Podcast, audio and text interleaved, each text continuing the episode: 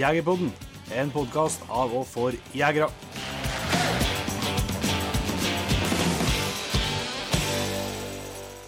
Hjertelig velkommen til en helt ny episode av Jegerpodden.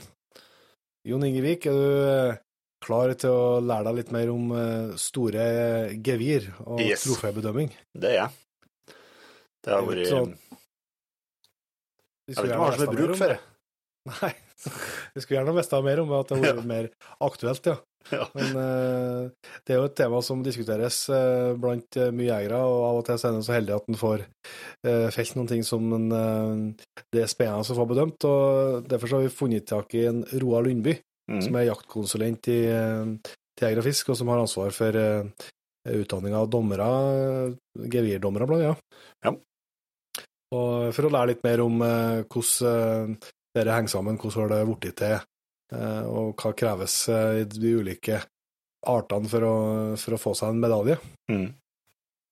Og selvsagt blir det litt snakk om det største nå. Ja, det blir Det litt- Det kommer er ikke unna. Nei, det er tøft. Det er det. Det er tøft, så det Jeg tror faktisk ikke vi eh, skal sitte og holde så mye på det. Jeg tror vi bare kjører rett på at en, Roar får gjøre oss litt smartere. Ja, det har ikke det har ikke skjedd så mye på jaktfronten siden sist, så vi, vi drar det ikke med. Vi setter rett over til en Roar. Gjør det. Da har vi gleden av å ønske Roar Lundby hjertelig velkommen til Jegerpodden. Takk for det. Artig at eh, du hadde mulighet til å slå av en prat med oss, da. Jeg synes det er veldig hyggelig å bli spurt om det, da. Eh, Jegerpodden har jo vært i godt eh, god, Har jo god reklame, og de er jo i tillegg anerkjente. Så det er hyggelig å få lov til å være med her. Si takk for det. Vi Føler oss mer som, eh, eh, som litt på søken etter eh, svar på det vi lurer på, vi, men det er trivelig at, trivelig at du ser det, Roar. Jeg tror jo du er kjent navn for en god del av våre lyttere, og du har jo en, en arbeidstittel som jeg nesten må si jeg er misunnelig på, jaktkonsulent. Ja, det høres jo veldig bra ut, kanskje. Det er vel, det er vel mer kontorarbeid enn det er praktisk, dessverre. Ja, Så det er my mye innejobbing, men vi får jo vært Ja. litt ute inne, inniblant iallfall. Treffer både medlemmer og andre rundt i lokalforeninger og fylkeslag. og så sjekk, sjekk litt åssen statusen er der. mm. Vi skal jo, altså, grunnen til at vi skal ha med deg, Roar, det er jo for å snakke litt om, eh, om eh, ja, bedømming av gevir og, og skaller og forskjellig. Men uh, uh, vi må jo starte litt først med å grave litt og vite hvem du er for noen, da. Ja, jeg er en kar i slutten av 30-åra fra Hedmarken, Løten. Jeg jo, har tatt en utdannelse innenfor naturforvaltning, har en master der. Og har jobbet i jeger- og fisksystemet da egentlig ganske mange år etter hvert. Og har startet da på fylkeskontoret i Hedmark til å begynne med. Før jeg da begynte sentralt. Men se litt mer om eh, det med jaktkonsulent. Hva er, hva er ansvaret til en eh, jaktkonsulent? Er det å være jaktpotet, eller? Ja, det er veldig mye forskjellig. Det er jo alt ifra at vi på en måte skal være med på å lage, legge til rette ulike utøverkurs, f.eks. med jakthunderessur, ettersøk og forskjellig, til at vi skal kunne utdanne instru instruktører på de ulike fagfeltene, til at vi jobber politisk inn mot både regjering og storting for å få igjennom det vi ønsker, og det som vårt øverste organ, da, landsmøtet innenfor jeger og fisk, eh, har bestemt at vi skal jobbe for. da. Ja. Eh, F.eks. med bruk av hund og eh, lys, lys under ettersøk og sånne ting, f.eks. Spennende. Men eh, da når du er jaktkonsulent, så vil du si at du antagelig er, er jeger. òg. Kan du si litt om hvordan jakta og jakt, jegerlivet starta for din del? Jo, det startet nok med en veldig helt friluftsinteresserte foreldre. Mhm. Som var liksom en oppvekst Vi var mye ute på tur, og det var liksom sommerferier i telt, og det var mye fisking i fjellet. Eh, Så har jeg en far som er ivrig jeger, og som da på en måte jakta mye småvilt i sin tid. Egentlig mye hare kanskje til å begynne med. Vi Mhm. hadde da finskstøvere når jeg vokste opp. Og ettersom råderbestanden økte utover på 90-tallet, så ble det mer og mer råderjakt for hans del òg. At han kjøpte seg sin første drever, så har det vel egentlig vært drever det går i. Ja. Så det er nok det å ha vært med der egentlig, og stått bak til å begynne med der for han var en seks-sju år, til han på en måte fikk lov til å være med og stå foran med børse da etter hvert. Mm. Og mer og mer interessert etter det. Var det hare som var første, første viltet du fikk avlive, eller? Det var faktisk rådyr. Det var rådyr, Å ja? ja. Ja. Det var rådyr i los for dreveren. Steak. Ja. Det er, en dag, det er en dag du husker på eller? Ja, det er jo det. Det, det er jo, det begynner jo å bli noen år siden, men det er jo liksom interessant likevel. Og når en tenker tilbake på det, så husker en jo den sitringa, den spenningen som var. Da han fikk Mm. lov til å stå der med hagle i nevene og visste at han hadde lov til å ha muligheten til å skyte da rådyret kom Ja. hoppende. Klart det. Men eh, hva nå, da? Er det fortsatt eh, rådyr og hare du holder til, eller jakter du, jakter du mer òg? Eh, Jeg tror jeg kanskje kan si jeg er ganske så altetende. Jeg jakter vel stort sett omtrent alt jeg kan hele, hele jaktåret. Så jeg vet ikke om jeg skal dra kort igjennom det. Så er det vel kanskje at jaktsesongen for min del nå starter jo med bukkjakta i august. Og så er det kanskje noen dager i Villrenfjellet før eh, både skogsfugl- og rypejakta starter da enten i Sverige eller her i Norge. Framover da til eh, elgjaktstarten i slutten av september. Og videre med både hjort og rådyr da framover til jul. Og så må man prøve å få med seg noen jaktmuligheter i Sverige på både toppjakt og villsvin og dåhjort. Og kanskje ly- rypejakt litt her i landet i februar. Og så avslutter vi kanskje med noe beverjakt utpå vårparten igjen. da. Ja, det- jeg skjønner hva, du, skjønner hva du sier når du sier altetende. da. Så ja. Så har jeg, jo, jeg er veldig glad i jakthunder, da. Så jeg har jo en litt forskjellige jakthunder. Så det er jo mye bruk av hund i, i jakta. Mm. så det Ja. er med på å løfte jakta mange, mange hakk for min del. da. Du må gjerne det gå gjennom uh, hundegården så.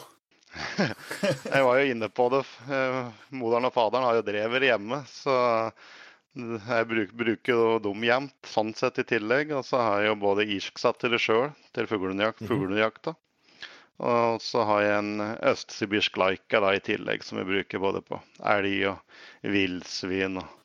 Så må jeg noen ganger ha funnet ut at det er OK jakt, eller jage litt rovvilt i tillegg. da.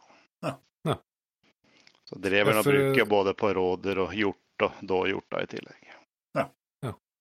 Ja, for du har jo skrevet eh, jakthundboka, stemmer? Stemmer det. Fikk muligheten til det gjennom eh, arbeidsgiver på en måte, å bruke tid og ressurser på å lage vår egen jakthundbok da, for to mm. år siden i Jeger og Fisk. Så det var veldig spennende å få lov til å være med på det, og være med å kunne forme litt hvordan jegere skal håndtere og dressere jakthundene sine. Og så må du jo legge et eh, visst press på deg på, når du har liksom skrevet Bibelen, så, så, så hvordan eh, må det være litt press å kjenne på sjøl når du har med hundene sine egne hunder ut, eller? Det er vi- viktig å ikke ha dem med så mye ut, kanskje. da. Trenger ikke vise det fram. Neida, Nei ja, det er klart, jeg legger litt press på det, men så er han jo kanskje litt ekstra ivrig òg, da. Og syns at det er viktig at hundene hører etter når de på en måte har fått en kommando, da. Ja, ja. Eh, Så det er vel det det går på, kanskje, da i tillegg litt. Mm. Men det, det er jo interessant, hvis vi så ikke det vi skal snakke om, men noen ord til må vi jo kunne snakke om, om hunder. da, Når eh, du som eh, da har både dykka dypt inn i materien og, og skrevet ut i, i bok ut, ifra det, og, og har såpass forskjellige hunder eh, og forskjellige Altså i hvert fall krav til eh, mengden dressur for at jakta skal fungere, da, for å si det sånn. Eh, er alle hundene dine like, like lydige, eller er det forskjell på dem, eller eh, hvordan jobber du forskjellig mellom eh, fuglehundene og laikene, f.eks.? Jeg jobber nok ganske likt med dem fra de er valper, og måtte det krever med både sitt og innkalling og den biten der. Men du mm. ser nok at du må jobbe enda mer, vil jeg påstå, både med dreveren og med laikaen for at de skal være lydige og komme, om det er en rådyrlos eller om det er på en måte med, i en elglos. Mm. Eh, og det er jo en måte hunder som er vant til å jobbe langt unna oss som fører i tillegg, og har et annet arbeidssett enn en fuglehund som skal jobbe Ja. Mer for meg og deg, på en måte, og har en mye bedre kontakt. da, Og søker mm. mer om hjelp og kanskje, da, i stedet for en drivende eller en stillende hund. Mm. Så du må nok jobbe enda mer med det. Men jeg, det er ingen umulighet eh, det, i hele tatt. Men det, jo, det starter nå når du kan muligheten til å kalle inn da, i en los, ja. f.eks. Og si ifra at jaktdagen er ferdig, eller her er det elgku vi ikke skal ha, så vi kan kalle inn igjen, og så kan vi prøve å finne en annen elg i stedet. Mm. Det har ikke vært så dumt, det, Inge? Det har vært fryktelig snedig, ja. Tanken slo meg jo nå at det er jo ganske lenge på etter siden vi, siden vi hadde en eh, episode om jakthundressurs, så eh, det trenger ikke bli så stilllengt til vi prater med en Roar igjen, da. Nei, det er ikke det, Vi må vi trenger påfyll. det er Ungarn tydelig preg av. det gjør vi alle, det. Det sier seg sjøl når fasiten på problemene som dere snakker om i stad, her nå blir å kjøpe seg flere hunder, så prøv, prøv på nytt. ja, men det, det, er veldig bra. Roar, vi er jo òg litt interessert i våpen, innholdet i våpenskapet vi, når vi blir kjent med, med nye, nye jegere. Hva du sverger til? Nei, jeg vet ikke om jeg kan si at jeg sverger til noe. Det er jo ganske fullt, det våpenskapet. Så den har liksom litt forskjellig avhengig av hva den skal ut på, hva slags summer den er i kanskje den dagen. Ja. Ut av fuglejakta så går det vel egentlig en over under franchi titanium. Mm -hmm. En lettvektshagle der som jeg egentlig syns ja. er like godt. Eh, henne har en spansk eh, eller engelsk-spansk sideligger, eller på seg. Spansk sideligger med engelsk skjefte, var det jeg mente. Ja. Eh, som vi bruker litt innimellom da på fuglejakta. Hvis det er litt ekstra fancy? Litt ekstra fancy innimellom der, hvis det er fint vær iallfall. Ruster lett, så den kan ikke være ute i så mye dårlig vær. Og så er det Ja, jeg har en Saco 75 i en to, kaliber 270 som vi bruker i mhm. sånn posteringsbørse. Og så har jeg en kort, lett Tikka 3 T3 Batu som henger på ryggen stort sett så lenge jeg er hundefører i kaliber 93. Ja, tøft. Så er det vel en rådyrjakt, og så er det en Merkel 96 drilling som henger på skuldra. Ja. ja. Da skjønner jeg at du har litt å spekulere på når du åpner åpenskapet, ja, hva som skal Jeg vet ikke om det er like positivt egentlig det, da, men det kan kanskje være bedre om det har vært bare to der. Ja, men det er, litt, det er jo artig med, artig med våpen òg. Men eh, som vi var inne på her, så er det jo gevirbedømming og og litt uh, den delen der vi skallebedømming for så vidt. òg. vi vi skal snakke om uh, Kan ikke starte uh, det, Roar, med at uh, du kan fortelle hva, hva, Har du noen rolle opp imot det i, i Norges Jeger- og Fiskerforbund sitt system, skal jeg si? Ja, vi, jeg er på en måte ansvarlig for bedømmelsen og hvordan regelverket er og for de dommerne vi har. da. Nå har vi jo mhm. nesten 50 dommere rundt omkring i hele landet.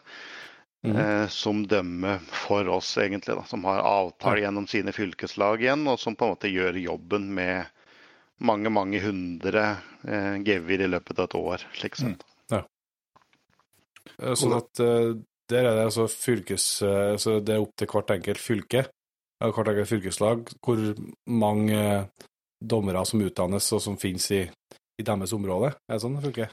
Ja, vi har måtte, lagt, sagt det til fylkeslagene våre, at det er de som kjenner det best, måte, som vet hvor mye både gevirer og skaller som eventuelt blir skal bedømmes i løpet av et år, mm. og hvor stort behov er. Og Geografisk fordeling i tillegg på dommer er jo også viktig. da. Mm. Så jegere ja. egentlig skal ha kortest mulig reisevei for å få dømt trofeene sine. Ja. Mm. Hvor ofte driver dere og utdanner nye, nye dommere? Sånn, vi har prøvd å gjort det ca. hvert femte år. Ja, ok. Eh, så vi har hatt eh, med både oppdatering av dommere av de eksisterende og utdanning av nye. da. Ja. Som har et påfyll hvert femte år, stort sett. da. ene er for at det krever en del. Vi må ha ganske mye gevirer tilgjengelig for at man skal få dømme og shoppe alle på en måte. Og det er jo noe skjønn inn i bildet på en del av det her, spesielt med rådyr på en måte, med ulike farger og forskjellig mm. fra mm. ulike deler av landet. og Da må vi liksom samle mye gevirer når vi først har den samlinga. Så det er liksom litt sånn krevende å få til slik sett. Da. Det er liksom ikke bare å kaste mm. seg rundt, det trengs en del planlegging oppi det hele. Da. Ja. Men hvis det, noen uh, går om en drøm om å bli dommer, skal jeg si da, hva, kan du si litt mer om selve det kurset eller utdannelsen? Ja, første de bør gjøre, er å ta kontakt med fylkeslag Jeger og Fisk. Og spørre om muligheten til å bli dommer i det området de sjøl bor i. Så trenger de da ha anbefaling fra fylkeslaget, for vi da vil at de skal ha en skriftlig avtale med dommergjerningen videre med det. Mm -hmm. Og så er det ei langhelg på vårt jakt- og fiskesenter på Flå i Hallingdalen mm. med dømming eh, på fredag, lørdag og søndag. Uli, alle, gjennom alle de ulike eh, trofeene, egentlig. Da. Både mm. gevirer og tenner og skaller. Ja. Og da er det hvert femte år, så når du har gjort den utdannelsen, så du det samme, går det samme kurset om gjennom fem år, skal jeg si? Nei, da er det en altså type altså... oppdatering, da. Det er jo ja. F.eks. med råder, der vi på en måte har mye skjønnhetspoeng inne i bildet. Og vi skal ha ja, f.eks. med farge. Da, liksom, hva er et mørkt rådyrgevir? da? Så er det viktig å ha en type kalibrering på det. Så da er det litt kortere tid, da, men da er det oppdatering igjen. da. Mm. Eh, for å, at alle skal holdes ved like, da, som alle må gjennom ja. hvert femte år.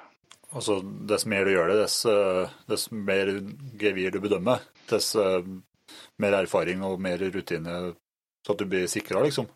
Ja, det er jo helt klart. Og f.eks. hvis du er, når du er dommer i Finnmark, da, ja. så er det på en måte begrenset med rådyr du får inn. De har stort sett ikke rådyrjakt her, de har jo så vidt hatt noen påkjørte rådyr. Mm. Så nå har vi inn til bedømming, men det er jo få elger i tillegg, da. Men de har desto større elger da igjen, da.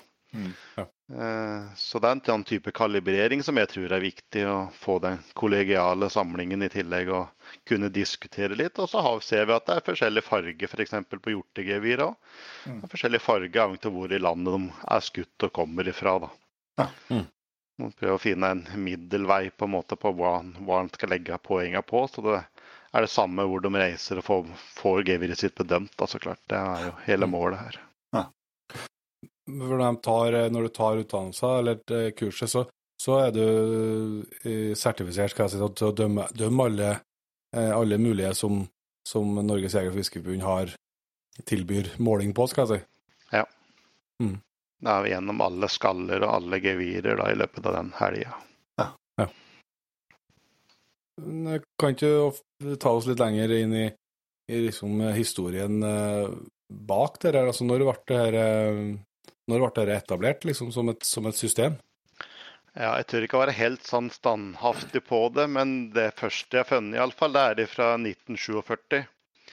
Eh, at Da var det på en måte både elg og hjort som da på en måte ble skrevet om i tidsskriftene til Jeger og Fisk, og at det da ble startet med bedømmelse av det i dag. Ja.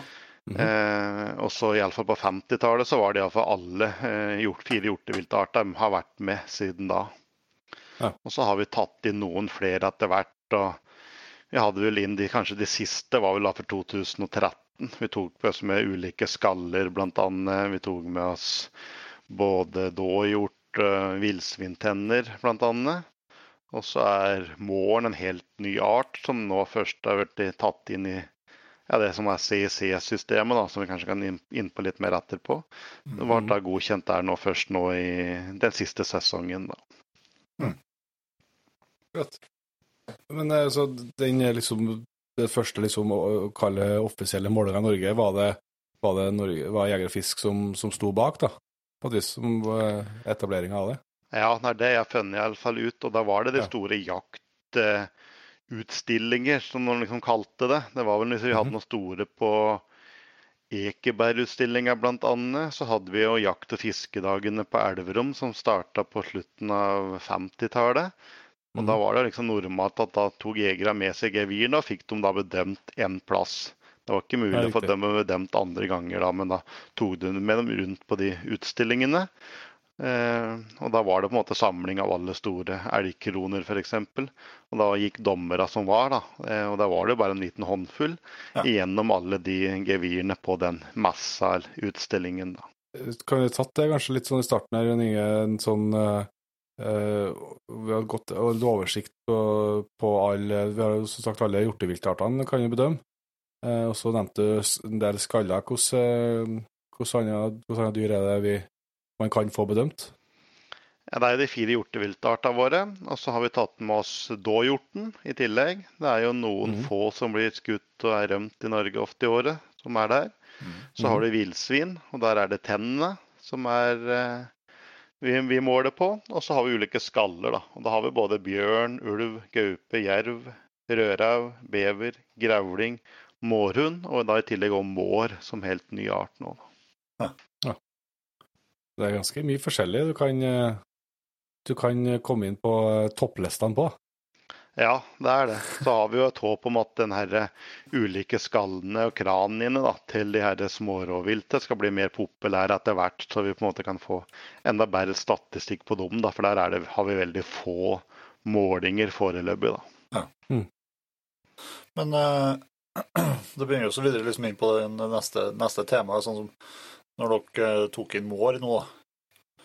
Hvordan jobba dere da fram for å, for å liksom uh, vite uh, altså poengsummene og hva som skal holde til bronse, hva som skal holde til sølv og gull og videre? Hvordan, det er vanskelig å vite ja, den skallen her det er den, antallet en av de største i Norge, liksom.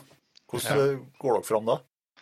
Gropmålen. Det, det er jo på en måte eh, Vi i Geografisk har målinger som da følger det som heter da CIC en internasjonal jaktorganisasjon som har måte drevet med dømming av gevirer og ulike trofeer i mange, mange år.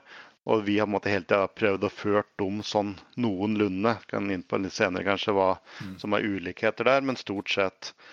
Og det, som det vi da gjør, er at vi da gjennom våre systemer da, i søker da på en måte om det utvalget i CIC til å få godkjent f.eks. Målen, da, for den har ikke stått på lista deres tidligere.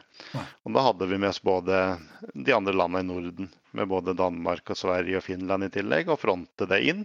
Og fikk overtalt om at det var smart på en måte å ta inn målen som en ny art. Mm. Og Da åpnes det opp, og så dømmes den da over ett, to, tre år kanskje. Avhengig av hvor mye statistikk vi trenger og har inne på den. Og Da legges det inn alle mulige mål i de databasene vi da har. Og så på en måte kommer en fram da til poengkravet etter det.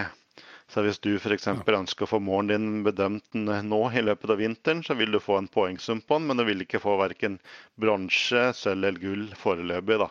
Okay. På grunn av at den da på en måte sammenligner dette her materiellet. Og så blir på en måte en egen komité som innenfor CEC enige om hvor de skal sette de ulike grensene her. da. Okay. Kanskje er det morgen målen her i Norden større enn andre deler av verden f.eks. Så det er ulike grenser i tillegg òg, da. Det kan være en mulighet. Ja. ja for uh, uh, hvordan uh, det sånn at man har starta i sin tid på, på elg òg, f.eks.? Jeg vil tro det. Jeg tør ikke å si ja. det helt sikkert, men sannsynligvis så er det det. For det er sånn de på en måte har gått inn og gått fram så lenge jeg kjenner til dem, iallfall. Ja. Mm. Eh, og så har det vært noen justeringer etter hvert også klart innenfor noen bit. da. Spesielt på hjort så har vi veldig mye ulike underarter, og så blander underartene seg og forskjellig. Og da er det vært nødvendig å justere noen av de kravene etter hvert da, på hva som skal være et gullgevir, og hva som er et sølvgevir, etc. Mm. Ja. Så, men altså, dere sa at det var, dere var en internasjonal eh, organisasjon? Ja.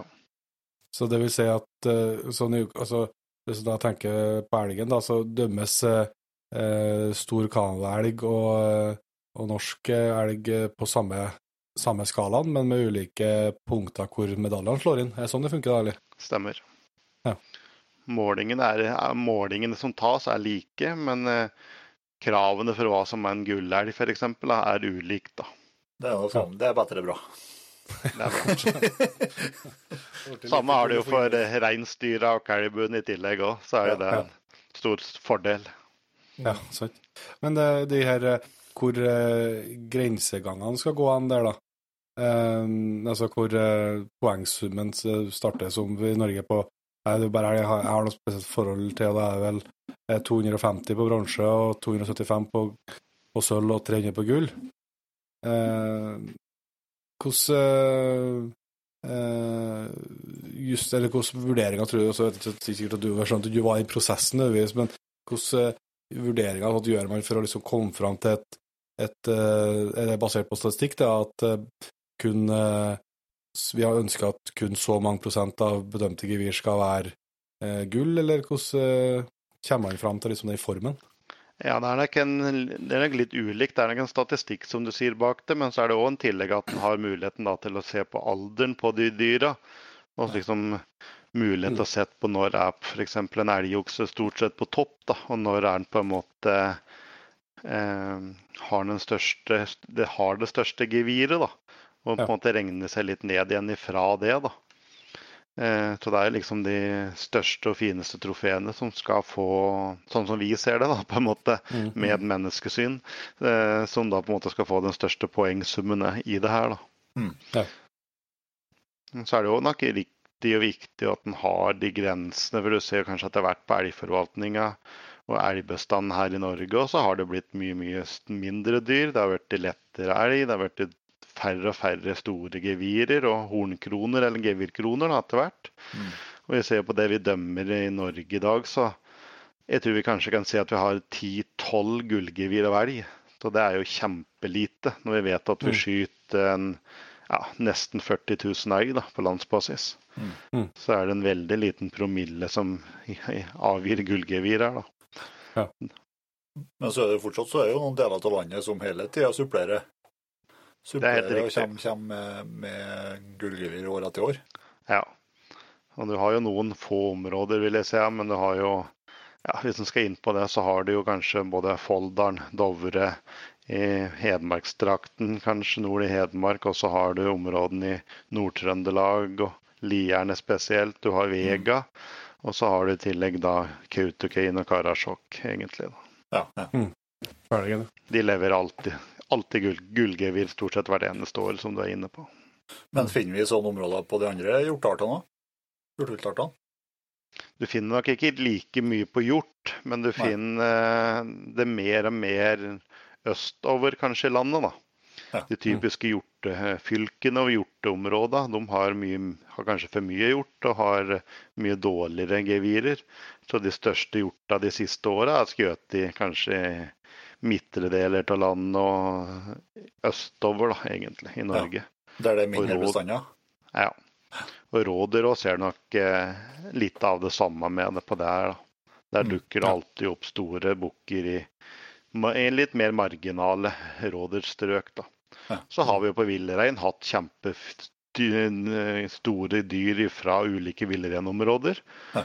Eh, har jo bl.a. levert mye stort. Eh, Skjåkområdene har levert mye. Men der er det verre på en måte å komme inn med store etter hvert. da. Det er lenger og lenger imellom dem. Men hva på, hvis du, med tankeeksperiment hvis, hvis den utviklinga på, på for f.eks. fortsetter, eh, at, det blir, at man, elgen blir mindre og lettere, vil det da kunne være aktuelt å endre på på liksom eh, medaljenivåene, da, sånn at hvis uh, bestanden liksom går, går tilbake, går bort fra det, uh, fra det nivået som har vært før? Jeg tror nok ikke det, for det er såpass godt innarbeidet på en måte hvordan vi kanskje ønsker oss at en, i hermetegn ønsker at også et elgevir skal se ut, på en måte, hvor stort mm. det skal være. Mm. Så da vil nok heller til det var et mål om at vi heller skal tilbake dit da, for å ha en sunn og god elgforvaltning. Så at det da må ha de store oksene. og Det vet vi jo med hjorteviltforvaltninga, hvor viktig dere hanndyr er mm. i bestandene. Mm. Så det er nok det et mål i stedet å komme, prøve å komme tilbake dit, i stedet for å endre regelverket. da. Ja, jeg kjenner en som har noen bronsegevir hengende, som jeg lurer på om kunne bli Om de kan bli oppgradert i framtida, ja. ja. Jeg tror dessverre ikke det. Nei, det var forsøket verdt. Ja, ja. Men eh, hvis vi kanskje skal begynne å, å si litt mer om eh, hvordan den bedømmes, da, så skjønner jeg at vi ikke kan eh, At det er blitt eh, det er delvis mye målinger og, og, og elementer, så det er ikke sikkert vi kan få fram alt så godt i en podkast. Men, eh, men, litt bedre kjent med tror jeg vi skal, eh, skal kunne få til likevel, hvis, hvis, vi starter med, med hjorteviltet. da. Eh, du var inne på, på rådyr. at der var det gjøres det poengberegning der, selvsagt. hvis du starter der først med, med medaljekravene. Ja, eh, på, der er det jo 130 som er på en måte grensene for et gullgevir. Mm -hmm. eh, og på Råder så er jo vekta viktig. Eh, I Norge så har vi hele tida målt vekt og ganger med 0,25. Eh, og det har, sier seg jo sjøl at vekta blir veldig viktig. Så har du jo mm. gevirlengden i tillegg. Og så har du ulike skjønnhetspoeng med både farge, rosenkranser, perling, taggspisser og regelmessighet og tillegg, da, som kan gi så og så mye poeng. Ja. Og her er vel kanskje akkurat det som vi i Norge har skilt oss litt ut på i forhold til det som er CIC og de internasjonale kravene. For de dupper jo da det rådyrgeviret ned i en kar med vann og måler mhm. da volumet av det. Okay. Og vil nok da få litt mer riktig viktig bit av hvor massivt gevir er, da, og ikke akkurat bare hvor tungt f.eks. kraniet kan være. Da. Nei. Så der har vi på en måte et ønske innenfor jegerfisk om at vi skal gå over til det etter hvert. Da. Og på en mm. måte å måle bare bruke de samme kravene som det CEC internasjonalt gjør, slik at vi kan sammenligne alle typer rådyrgevir fra Norge med resten av verden da i tillegg. Ja. Mm. For liksom vi måler i dag, så kan vi dessverre ikke det helt. Men så vil jeg si at i Norge kan du få, få godt betalt for at den er tjukk i huet. Ja. Eh, mens, mens jeg vil ikke få ja, jeg, Du har egna deg godt som rådebukk, med andre ord. ja, det, har vært gull, gulltendenser der, ja, men det, det vokser dårlig på toppen til meg. men det er forholdsvis tungt. Eh, så, men, så da har du Det vil jo si at på rådyr altså, er hvordan det blir saga da, eh, når man skal eller skal du levere inn hele skallen? Eller hvordan uh... du bør, du, Vi anbefaler at du leverer hele skallen. Du får mm. mest igjen for det uansett. Eh, og skal vi på en måte begynne med eh, volumberegning og sånne ting, så er det en stor fordel at du har ja. hele skallen framover. Mm. Eh, har du hele skallen, så trekker vi 90 gram eh, sånn okay. automatisk. Eh, og hvis du har sagene av, så trekker vi 65. Så slik sett så er det på en måte eller, Det spørs litt hvor snittet ligger, da, om det er over mm. eller under tennene forskjellig. Da, men det er liksom fra null, og så er det 65, og så er det 90 som vi kan trekke. da. Ja, ja. Eh, men eh, du får deg best betalt for å måle den med hel skalle, og så kan du heller da sage den etterpå hvis du vil henge den på veggen eh, med et snitt i stedet, på en måte, for hel skalle. Mm. Mm. Det er skjønnsbedømmelser. og så hvordan farge ønsker dere det skal være, og, og perlinger som skal, ønsker dere det skal være på et rådyrgevir? Det skal egentlig være mest mørkest mulig. Ja. Eh, eh, og det helst mørke, mørkebrunt. Da. Ja. Og da kan det da få fire poeng. Og perlinga i tillegg skal være meget god, som vi ser, da, med store perler egentlig oppover hele og på begge sidene. og både inni og utapå gevir, egentlig. Oppover forbi de første taggene, for å da kunne få fire poeng. Eh, rosenkransene skal jo være som en type tjukk pølse egentlig rundt eh, geviret i bånn. Eh, og skal på en måte stå i, stå i forhold da, til geviret, slik sett. Mm. Eh, får ikke lov til å henge på noe vis. Det skal være liksom en rundt og massivt da, for å kunne få fire poeng på den. da. Mm. Mm. Og så, har du jo taggspisser og forskjellig da, i tillegg, som skal være både blanke og spisse i tillegg. Ja. Og så skal ja. det måtte se ut som vi måtte se et rådyrgevir med at det er eh, seks tagger på en måte som skal være over Alle taggene må være over fem centimeter lange, bl.a. i tillegg, da, for å kunne få maks på både regelmessigheten og skjønnheten i tillegg. Så der, hvis du får noe sånn eh, litt unormale med f.eks. Eh, ja, sju eller åtte, åtte tagger da, som er lang, eh, det, det, har ikke noe å si mye for poengsummen, det er annet enn vekta på et vis? da. Nei. Og vi, vi har jo hatt rådegevir med ti tagger f.eks. på. Eh, ja. Men eh, det har ikke noe å si egentlig. Du får ikke noe mer ut av det enn annet, om du sier, vekta. Mm. Og så er det da viktig at den er regelmessig da, i tillegg. da. Hvis ikke så kan du risikere å dra på det en del minuspoeng hvis en f.eks. har eh, sju, sju tagger på ei side og kanskje bare tre på andre. Da. Ja. Mm. Da er den ikke regelmessig lenger, og da kan du òg få en del minuspoeng på det samme. Ja. Mm. Mm. Altså, men jeg skjønner at man jobber, jobber med, å, med, at det skal bedømmes så likt som mulig, men det, som det er noen skjønnsmessige vurderinger her, så vil jeg si at hvis du får 129 poeng, så kan jeg fristende å ta med til neste dommer og prøve òg. Ja da, det kan det alltid være, så klart. Nå har vi jo en, en regel på det at er det dømt, så er det dømt. Og da skal det være gjort en okay. grov feil hos dommeren, da, på en måte, hvis vi skal tillate at den skal dømmes på nytt igjen. da. Ja. Det kan ikke ferde rundt hele landet? Nei, så det, det, det, fungerer, det, fungerer, det fungerer dårlig slik sett. Men klart, har du 129,89 poeng, så kan det jo hende dommeren ser på tallene sine og målene sine en gang til, om hun egentlig har, om hun har gjort det riktig eller ikke, så klart. da. Ja, ja. Uh, men uh, hva, du snakka litt kanskje innom det på artene her òg. Hvor vanlig er det med et uh, gullgevir her på rådyr? Det er relativt vanlig. Mm, ja. eh, det dømmes vel en ja, Hvis vi sier en 700-800 dyr, kanskje sånn et gjennomsnitt da, på rådyr i mm. løpet av et år, så har vi nok eh, ja, kanskje 200 gullgevir omtrent. Ja. Så der, rådyr er nok det enkleste arten å få gull på, da, slik sett. Men hva, hva, tror du er årsaken, eh, årsaken til det? Altså, for det er litt interessant. Også, når det er så stor forskjell mellom Er det at vi, er det at vi har en veldig sunn rådyrstamme, at vi har store rådyr i Norge kontra andre land, eller, eller um, hva tror du er grunnen? Ja, jeg tror jeg er inne på noe av det riktige der, på en måte. Vi har uh, både sunn rådyrbestand, vi har relativt store dyr over uh, ikke hele Norge, så klart, men over en del, en del store, store områder iallfall, mm. i forhold til mm. andre plasser.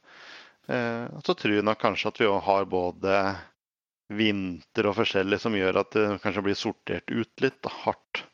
Eh, at det er på en måte den sterkeste som overlever, og det er de, de med best gener som kanskje blir videreført litt. Da. Ja. Mm. Så jeg tror nok vi har en relativt sunn rådyrbestand stort sett. Vi, vi, har vel ikke hele Norge, men over store deler iallfall, som ja. er det. Ja. Og vi ser jo i tillegg at rådyret sprer seg jo blant annet. Vi har jo en i høst så hadde vi en fantastisk bok fra Skjåk i Gudbrandsdalen. Som mhm. er helt i toppsjiktet eh, av de største vi noen gang har målt i Norge. Så det var jo veldig kult. Da det kommer fra områder i, oppe i dalen f.eks. og sånn som det ikke er Det er jo bra, eller det er jo rådyr der, men det er ikke kjempetett med rådyr i de områdene. Ja. Tror, du, tror du det har litt med at uh, i og med at du sier at det er kanskje det letteste, letteste arten å få et gullrevir på, at folk Eh, velger å ikke få dem bedømt med mindre de tror at det holder gull, gull sjøl? Ja, jeg tror nok du er inne på det òg. Altså. Det er nok helt riktig det òg. For det vi ser det er veldig få som kommer med gevirer som ikke holder kravene. Eh, og det er nok mange som har sittet og dømt litt sjøl og målt litt sjøl. Hvordan du gjør det, alt ligger ute på hjemmesida vår i tillegg. Så du kan jo på en måte mm. ta fram vekta, målebånd og sjekke hvor du, mm. hvor du ligger an. Og jeg tror nok det er veldig, veldig mange jeg føler, som har gjort det her, da, som har en god peiling på hvor de ligger hen idet de kommer til deg som dommer. Ja. Og liksom vet ca. hvor i landet de er. da. Mm. Ja. ja. for det er jo verdt å nevne òg, så den researchen jeg gjorde før, før intervjuet, så, så søkte jeg opp på Og det kom jo den heftige PDF-fila med der man gikk gjennom alt. og ja alt. og det, var, det, det er på en måte greit å gjøre det før man oppsøker en dommer og, og prøver å måle seg litt fram sjøl. Ja, jeg syns absolutt det. Og det, det, skaper en større forståelse blant alle, og kanskje en større interesse òg, da. Ja. Mm. Til, på en måte, til hva, hva vi holder på med. Mm. Så, ser jeg jo for dem som er heldige og skjøter noe stort, så ser jeg jo at det er veldig inn å legge ut det på diverse grupper på Facebook og få bedømmelse der òg. det er veldig mange som er flinke til å bedømme på Facebook, har jeg sett. Så det kan nok være verdt å ta turen til en autorisert dommer i tillegg. Ja. Jeg tror det. Sånn er, sånn er helt sikker. Facebook-gull. ja. Men hva, hva på rådyr kan en så altså bruker sånn det er rådyr, men generelt sett, og Eh, den statistikken dere eh, samler inn her, eh, brukes den i noen sammenheng? Altså Vi hadde jo kanskje ønska at det skulle kanskje kunne brukes mer i viltforvaltninga, da. Det er vel kanskje det det blir gjort litt lite av. Men eh, vi jobber med å på en måte få digitalisert her på en god måte. Vi har jo veldig mye manuelle skjemaer som er skrevet ja, som vi sa da, fra 50-tallet omtrent. da, Mm. Og som på en måte ligger i en eh, eh, inne på et loft, på en måte. Lagre. Så det å få digitalisert alt det her og ført alt inn i et skjema, så det skal kunne være mer søkbart for alle. hvis f.eks. en viltforvalter vil ta ut det og se, eller noen vil se hvem som er det største innenfor et villreinområde og sånn, at det skal bli enklere. Det har vært Mm. mye manuell jobbing i Eller er en del mye manuell jobbing i dag da, for å klare å hente ut de samme tallene. Ja. Så vi har jo på en måte en, noe system og noe ligger inne, iallfall blant de største. Men ikke blant alt vi har bedømt, så har vi en jobb å gjøre fortsatt. Hva, hva, hva hvis du eh, skal, ikke eh, sette deg helt fast hvis du ikke har alle på husken, men hva, hva er det største som er mord i Norge? Poeng? På rådyr Mm. Der har vi vel en fra nede i Telemark, i Skien, som er målt til eh, 204,75 poeng. Dæven ta. Det er en kjempebukk, og hvis du har sett den i tillegg, så vil jeg si at det er kanskje litt sånn eh, Ja, hva kan man kalle det? Liksom nesten da, på hvordan et rådyrgevir skal se ut. Det er fantastisk kraftig. Det er en ordentlig fin, symmetrisk, lyreformet rådyrbukk. Dæken, det er solid eh, margin i forhold til gull, eller? Det er god.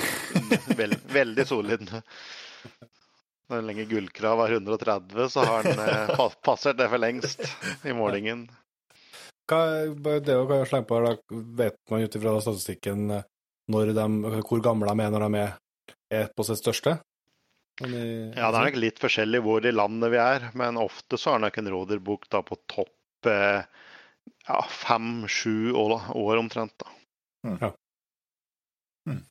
Så hvis en har mulighet til å, å gi seg magen til å vente, så, og følge, følge med det, så er det, vet en sånn cirka når, det, når en har størst sjanse, i hvert fall. Det er nok en fordel å ha litt is i magen hvis en vil ta de store, iallfall. Ja. Du må mm. ha litt tid til å klare å vokse seg store. Hvis, hvis vi skal over på, på neste hjortevilt, da, som er, er kanskje det som er med Jon Petter er minst kjent med, det er jo rein. Ja. Det kan jeg, kan jeg skjøte inn med en gang at jeg har hørt at det er ganske enkelt å få gull. Men det kan godt hende at det er feil. Nei, ja, det er, det er, det er nok riktig det òg, på en måte. Det har jo en kravgrense på 800 poeng på et villreingevir. Og når du ser på lista vi har på de 50 største, så er det jo alle over 1000 poeng. Så da har Ja. vi jo passert på en måte den poenggrensa for lenge siden. da. Ja, vi, har, vi har ikke mange elger på over 500, nei. Nei, det er helt riktig. Eh, Reinsdyret er jo egentlig bare ulike mål. Ja. Eh, Det er egentlig ganske enkelt, vil jeg si, men det er veldig mange mål du skal ta. da. Ja. Ja. Både på høyre og venstre side, og det er jo også viktig i tillegg at de er symmetriske. For her vil det jo på en måte bli straffe veldig hardt hvis den høyre sida ikke er lik med venstre, f.eks. Da. Ja. Det er jo egen kolonne med minuspoeng i tillegg. Så har du f.eks. En, eh, en nakketagg bak da, på villrein som er 46, og så har han på AC, side, og så har han bare 6 poeng på andre. Så får du 40 poeng i minus med en gang på en måte på den. da. Man slår såpass, ja. Så det slår veldig hardt ut hvis de, de ikke er like. Ja. Mm. Så er det jo egentlig viktig om et uh, reinsdyrgevir bør jo bare ha helst eh, to ordentlige brunstfjøler og to greip egentlig i tillegg da, som er godt utvikla. Brunstfjøla det er den som går, kommer fram i panna, skulle du si. Ja. Rett fram. Mm. Du har fjøla i tillegg, og så har du på en måte greip eh, som sitter litt overfor igjen. på en måte. ja. Men måles det liksom Altså, det her Som sitter her varme armene, men det her, det her lange buene liksom, som er, som er høyest, måler dere hele lengda? på- Hele gevirstanga. Ja. Mm. Hele gevirstanga måles, og så har måles eh, lengden på både den lengste og nest lengste taggen da i krona, som på en måte er i enden av geviret. Og så får du lengden på både fjøla, greipet og nakketaggen da i tillegg. Ja. Eh, og så har du i tillegg en del omkretser. Eh, både mellom fjøl og greip, mellom greip og nakketag, og mellom nakketag og krona. Og mellom lengste og nest lengste tagg. Eh, så det har på en måte de måla der, og grøvelsen da, er ganske viktig på villrenn. For da får du på en måte det rett inn. Er den grov, så får du jo mye poeng allerede på den, de måla der. Da. Så lenge det er såpass mange omkretser. Men her vil det da være ganske lite skjønnsmessig Ingenting. vurdering. Ingenting, nei. Kun måling. Så her er det bare at du klarer å legge målbåndene likt og riktig på hver, en, ja. hver, eneste måling du skal gjøre. Da. Ja. Det som vi nå kan si her, er at vi har òg en liten forskjell i forhold til hvordan vi måler villrein eh, innenfor CC-systemet, med at vi har ganget opp taggene våre eh, med 2,5. Vi har jo på en måte antall tagger på hver side, og så har vi antall tagger på fjøla på hver side. Og så ganger vi dem med 2,5. Mhm. Eh, jeg har prøvd å finne ut hvorfor vi gjør det. Det har jeg ikke klart å gjøre. Så det er jo på en måte noen sånne litt sånn avarter av en eller annen grunn som har oppstått når det har vært dommere tidligere, på en måte. Mm. Eh, som har blitt endra. Vi starta jo på en måte i sin tid med å følge CC, og så har det gjort litt sånne ulike, kanskje lokale Eh, regler og målinger etter hvert. Og så er det, som jeg sa i stad, målet mitt at vi skal gå tilbake til å dømme kun CIC på en måte igjen da i framtida. At vi da mm. kanskje er naturlig å ta bort at vi multipliserer da med 2,5 i tillegg på rein da i tillegg. For at vi blir liggende litt høyere. Og da får vi nok en del færre gevirer over den, tusen, den magiske 1000-grensa, kanskje. da, men. Ja. Mm. Men jeg sa det er så som vi snakka om, det hopper litt sånn fram og tilbake her, men når vi snakker om de grensene, så um, har CIC noe, noe eller dere noe, liksom, noe, noe, ambisjon, eller kan man liksom mene eh, prosenten bør ligge på for at det skal være eh, Altså, hvordan tenker jeg hvis du måler 1000 gevir i året av, eh, av rein, det er, det er sikkert ikke, så mange, men men altså, et, hvor mange stor prosent som bør være gull, og hvor mange Altså, har man noe forhold til, til det når man tenker på det? Nei, vi har nok egentlig ikke det. Det er kanskje en kunne hatt, men det er jo liksom ja, sånn som vi ser på Norge sin del, så er det veldig ja, forskjellig på hvordan vi holder på med viltforvaltning. Da. Det, mm, det skal jo forvaltes ganske så lokalt, og du både som grunneier og på jaktfeltet har ganske mye muligheter til å på en måte bestemme på en måte avgjøre hvor mye er gjort eller elg, eller hva du skal ha for noe sjøl. Ja. Så, så, det er ikke noe sånn nasjonale mål fra vår side, men vi, registrerer jo på en måte at vi syns det er en veldig liten andel store dyr som blir felt. Mm. Så klart. Hva er det, det, det utviklinga på, på rein nå? At den blir, blir mindre? Ja, det er det samme der òg. Er ikke det ikke litt spesielt i og med at det er liksom at de liksom lever i flokk i, i si, begrensa områder? Jo, det er nok det, men det har nok litt sammenheng med at de som du sier, lever i veldig begrenset områder. Ja, ja. Og som vi tror at vi kanskje vi, vi bygger ned mye av de høyfjellsområdene våre. Det blir mer hytter, det blir mer turstier, og det blir mange forskjellige ting som gjør at villrein har et mye, mye mindre areal å kunne bevege seg på da, mot den hadde mm. tidligere. Mm. Når vi ser på de villreinområdene vi har i dag, så er det mer og mer avgrense. Det er veldig lite overlapping mellom de ulike områder og forskjellig. Mm. Og det gjør nok òg at rein har eh, mer begrenset mulighet til å få både vært uforstyrret og kunne vokse seg stor på en måte i de områdene. Da. Så jeg tror nok vi er med på å påvirke den litt sånn negativt der, dessverre. altså. Ja. Det syns jeg er veldig interessant. Jeg, Altså, eh, jeg har, har aldri tenkt over det før, før at du snakker om noe, liksom det her. Altså, at man fort kan få et stempel som at man, man på en måte er troféjeger for at man vil få et, et gevir bedømt, men at man, at man da uh, snur det tvert om og bruker det som, som uh, i viltforvaltning sitt, uh, sitt aspekt, og, og for å se, se på bestand. Altså så man har et mål i forhold til bestand deres? da? Ja, jeg tror det er veldig viktig, altså. Mm. Og det bør være flere og flere som tenker i banen. For vi vet jo at det er viktig å ha store hanndyr for å ha en sunn og god viltstamme. Mm. Og det gjelder jo på alle, alle artene, egentlig. Så er de jo avhengig av det i forhold til når de skal ha brunst og forskjellig. Ja. Eh, så det at du har store dyr, som vi prater på med de store elgoksene i stad, det viser jo at de har en riktig forvaltning, vil jeg påstå. da. De har en sunn og god viltforvaltning i de områdene. og De klarer å levere gullgevir år etter år etter år i tillegg. da. Ja, så, så, så er vel òg gena et, eh, et element og i og med at, som også kan være en, en av forklaringene til at det er forskjeller på, i landet. Ja, det kan du nok kanskje si, men jeg syns det var litt interessant eh, bl.a. på hjorte, hjorten da, i sin tid. Jeg Mhm. husker veldig godt den, eh, Johan Trygve Solheim, som driver Svane hjortesenter. Mm. Mm. eh, Norsk hjorteviltsenter på Svanøy. Eh, han sa det i sin time, jeg husker vi var der og traff han når eh, vi studerte. Og da han hadde kommet dit, så var det ingen store hjorter i området i hele tatt. Og du måtte skyte den i den begyn- begynte å bli en åtte-ti tagger nesten, for den ble ikke større i områdene. Nei. Det var jo det de hele tida sa.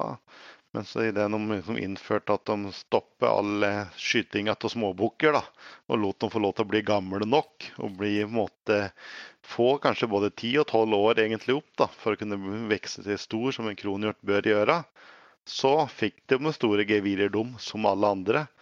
Mm. Eh, Så jeg tror nok at ja, det er nok noe ulike genetiske variasjoner, så, så klart. Men ikke i det store og det hele så har du nok en mulighet til at alle kan bli store i stort sett eh, de fleste områdene, iallfall i Norge. Da. Mm. Mm.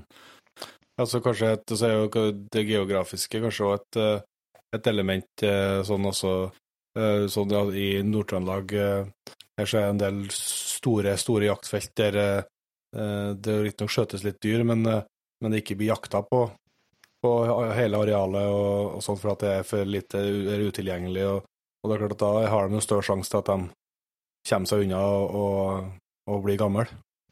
Ja, helt klart det. enn i mindre jaktfelt der du, der du føler skia å eksponere deg. kan jeg si. Ja, og i, kul, og i, i kulturlandskapet kanskje Mm, nedover i mm. tillegg, så har du stort sett muligheten til å telle omtrent all elgen du har i terrenget i løpet av ei elgjaktuke omtrent. Og da har du jo Mm. muligheten til å nesten kunne skyte alle òg, da. Så da er det på en Ja. måte veldig viktig hva det du som sitter der med avtrekkeren velger å gjøre og ikke. Mm. Mm, klart det. Ja, interessant. Hvordan, eh, hvor i landet bør, eh, bør en dra og jakte videre hvis en har lyst på å kjempe om eh, norgestoppen? Er det noen områder som utpeker seg? Ja, du må nok i de områdene vi prater på, med både kanskje Forlagna, du har områder i både Reinheimen og forskjellig der som kanskje som fortsatt har veldig mye store gullbukker. da. Så det er nok de områdene du bør, skal du få tak i gull. Eller iallfall kanskje en, en oppimot den magiske tusengrensa, iallfall. Ja. Ja. Tror gullbukker får det jo stort sett over mange av de andre òg, da, men Ja, ja. For å passere den, må først få til en rein før jeg begynner å gi resten. Hvis vi går inn på, på hjorten, da, Roar. Der, Ja. um, det er jo et, eh, et ettertrakta trofé. ja. Det bør det jo være òg. Det er jo både Mm. fantastisk vilt på mange måter. Mm. Mm. På geviret der så er det på en måte todelt. Der har vi både de ulike måla som vi tar, pluss at det er noe skjønnhet inn i bildet i tillegg da, som er viktig. OK? Her har vi på en måte både lengden av sjølve gevirstangene, stanga som vi prater på med samme som med villrein. Mm. Eh, Du har både lengden av eh, øyetaggen og midttaggen i tillegg.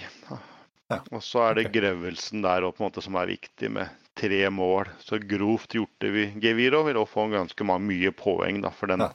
får de sin opprinnelse. Den, på en måte, den skal ikke ganges eller deles med noe som helst, den får du rett ut i skjemaet. da. Mm. Mm.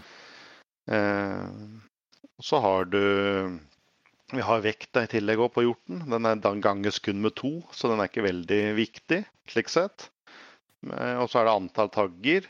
Og så er det det som vi da så i tillegg på både farven er viktig på hjort, i tillegg med det som da vi kaller struktur eller perling, som vi var inne på på rådyr, hvor knudreten egentlig er. Og da med tillegg med taggespisser og sånn i tillegg. Ja. Mm. Og så er det jo en hjortegevir da, som regnes til taggene som lange hvis de da er over 15 cm. Ja. Så okay. taggene på en måte må være over 15 både med issetagger og i krona egentlig da, for å kunne nå opp eh, nå helt opp helt, egentlig. da. Ja, så de tre, tre taggene i toppen nå skal være over 15. Ja. Eller må ikke være over 15, så klart, Nei, nei, men men de det- bør være over 15 for at de skal kunne få full pott. da. Ja, ja. Mm. Men så vekta ganges med, med To. Vekta ganges med to, ja. Er det, er, det er det jo- samme da med, hvordan er det her da med, du var inne på med saging eller hel skalle og, og sånt på, på rådyr? Hvordan er det? Det er nok det samme her. Her trekker vi eh, Må bare tenke meg om, men her trekker vi 0,7 kilo. Eh, hvis du har en hel hodeskalle, så trekker vi 0,5 hvis du på en måte har kappa den litt lenger, litt lavere, da. Ok. Så det er ikke så mye å si her hvordan du gjør det. Men det, jeg vil kanskje uansett anbefale at du måler med hel skalle for å kunne utnytte det maks, egentlig. da. Men eh, vi var inne på det med volum eh, kontra vekt eh, på rådyr. Er det opp imot CIC, er det samme på, på hjort, eller? Nei. Nei. Her måler vi akkurat det samme som CIC gjør. Så all okay. norsk hjort kan måtte sammenlignes med all annen hjort som er felt andre deler av verden da, i tillegg. Da. Ja. Mål spilt på samme måten, men det er ulike poengkrav på slutten da, på hva som Mm. på en måte regnes for en gull, gullgevir. da. Så vil Ja. en norsk eller en skotsk hjort ha en annen enn en f.eks. en ungarsk hjort, da, eller andre nede på kontinentet. De ligger høyere opp. da. ja, ja. Hva er kravet, kravet her for medaljene? I Norge så må du opp Mm. på 170 for å få gull. Hvor, eh, hvor mange eh, i året er det i Norge, tror du, i snitt, da? Som passerer gullgrensa? Nei, er, jeg tør ikke å si helt sikkert. Jeg har ikke det helt foran meg, men jeg vil nok si at vi har ganske mange gull på hjort òg. Altså. Det er vel rådyr og hjort som er de artene vi ser at vi har mye gull på hvert eneste år. Ja. Eh, Og hjorten nå er jo, som jeg sa, var inne på, sprer seg over større og større områder i tillegg. Så Mm. de her eh, områdene med lite hjort har det desidert største geviren, iallfall, slik sett. Ja. Men du sa altså at øh, dere vil ha, dere vil ha hjortegevirene så mørke som mulig, eller? Ja. ja. Men du snakker om det her øh, at de skal være knudrått. Dere, dere vil heller ha en knudrått enn jenta med helt glatt? Ja. Skal òg være den. Det er ikke mer enn to poeng på verken farge eller perling på en måte på okay. hjort. da. Så det har ikke veldig mye å si. Nei. Men uh, det er liksom null til to poeng du kan få da på begge de bitene. Så mørkt som mulig, og så helst da òg knudrete på begge sider egentlig oppover i tillegg. Men eh, så det er skjønner litt eh, så det så er jo bare elg jeg har noe noe- har noe forhold til, det, så er jo elg jeg har mest forhold til. det der vet du at det kan være veldig forskjell. Altså, du kan jo få gull på en titager, eh, og du kan få bronse på en 20-tager. Sånn at altså, antall tagger har nødvendigvis ikke det som mest utslagsgivende. Hvordan er det på, på hjort? Eh, hvor, eh, hvor mange tagger må det være for at du kan kjempe om, eh, om gull? Nei, Det bør nok være kanskje en typisk kronhjort, som vi sier, da, at det bør være Mm. tolv tagger. Mm. Ja. Kan nok hende du klarer det med en titager hvis de er lange og at de i tillegg er ganske grove gevirstengene. Ja. Ja. Så kan du nok kanskje klare det der, men han bør nok opp på rundt en tolvtagger. Og, og må nok være ganske lange gevirstenger da i tillegg, på en måte, da, for at den skal kunne Mm. nå opp. da. Ja. ja. Der er det òg viktig at den har på en måte regelmessig med tagger, at den har både øyetagger og issetagger og midttagger og alt da, som er sånn noenlunde lange, på en måte, men iallfall over 15, da, for at du på en måte skal ha muligheten til å klatre helt til topps.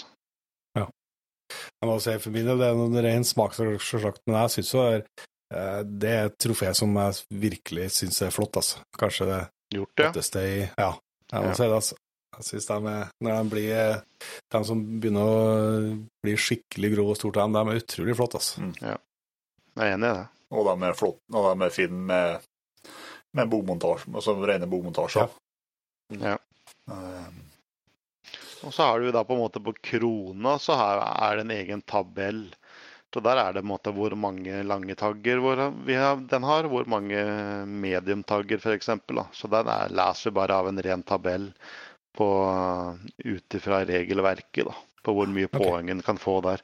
Han kan jo få opp til eh, ja, ikke det, ti poeng ja, i krona. Ja. ja.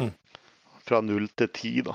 Men ja. eh, ja, jeg, har så vidt, jeg tror jeg har vært med på kanskje 8-8,5 på norsk hjort. Men uh, det, er ikke, det, er ikke, ofte du kommer så, så høyt, altså. Nei. Da må en ha mange, mange tagger i krona i tillegg. Ja. Jeg mener, husk at, det var, jeg så noen bilder at det ble skutt en monsterstor bukk på, på, på Toten jeg tror jeg, i høst. Men jeg vet ikke om den ble bedømt ennå. Men det var, det var, jo sånn helt, helt merkelig. Det så ut som det var en eh, ja, sånn type fra Ungarn, liksom. Okay. Men jeg ja. er usikker på om den ble, blitt bedømt. Da. Det, var, det var helt vilt bestolinga. For skal du liksom komme opp på ti poeng da, i krona, som liksom er det meste, ja. så må jo, da må den jo ha elleve eller tolv tagger bare i krona. Oh. før å kunne komme opp til det. Ja. Ja. Og da begynner vi å få Da begynner det å bli en stor hjort, altså. vi hadde vel en ifra nede i det var en plass i Rogaland. Den tror jeg lå på Den tror jeg lå på åtte eller ni tagger i krona. Dæven. Og da begynner de å bli store. Ja. ja. Men da jeg så på topplista på hjorten eh, Roar, så ble jeg overraska over Jeg har ikke tippa at den eh, kommer ikke på poengsummen, det får du hjelpe men jeg har for meg at den ble skutt på Stjørdal. Ja, det stemmer nok, det. Eh, slutten, av, slutten av 90-tallet, mener jeg, med 198 poeng eller noe sånt. 198,81. Mm. Mm. Stemmer det. Så det Hvor er det Du, var, du nevnte det så vidt, men det, det, det, er ikke på de områdene kanskje det er mest gjort at man finner de største? da? Nei, jeg vil da kanskje tippe på at den enkelte som er gamle Oppland, da, eh, innlandet i fylket i dag, at eh, jeg tror det er der du har muligheten til å få ganske mange store eh, hjortebukker i de første framtida, iallfall. Ja. Mm. Der er lite gjort, og den har tid til å vokse seg stor i tillegg. da. Ja. Har næringsgrunnlag for å klare å bli stor. Ja. Øster, Østerdalen der òg? Østerdalen har nok en del. Og mm. kanskje enda lenger sørover igjen, nå, kanskje, da, på. Østlandet. Eh, så har du mye fin bok etter hvert. Men når du sier det har mulighet til å vokse så stort, altså, da mener du at det handler om at, uh, at det ikke jaktes så hardt eller så dedikert på dem? Er det som gjør at de har mulighet til å vokse seg stor, eller uh, hva, hvorfor tenker du det? Ja, i mange områder så er det jo både skytes det jo mye hjort, og det er på en måte veldig få gamle hjorter. da. De skyter jo ofte tvers gjennom hele bestanden og skyter ut skyter mye, sjøl om det er mye dyr, egentlig, da, så mm. er de ofte en tendens til at det blir skutt hardt på hanndyra. Mm. Som gjør at de ikke rekker å bli store nok og gamle nok. og Da må de både ha et næringsgrunnlag som gjør at de kan vokse seg store, og så må de jo være kanskje områder der de klarer å gjemme seg bort. da, Og som mm. det ikke er så interessert, mange interesserte hjortejegere kanskje i, da, som gjør at de blir store og gamle nok. da, ja. Som gjør at de på en måte får både lengden og grøvelsen og alt på geviren. Hjorten bør jo ofte bli kanskje både åtte-ti år egentlig da, for å kunne være nærme seg på topp, egentlig, slik sett. da. Ja. ja. Skal vi inn på, eh, på elgen, da? Ja. ja.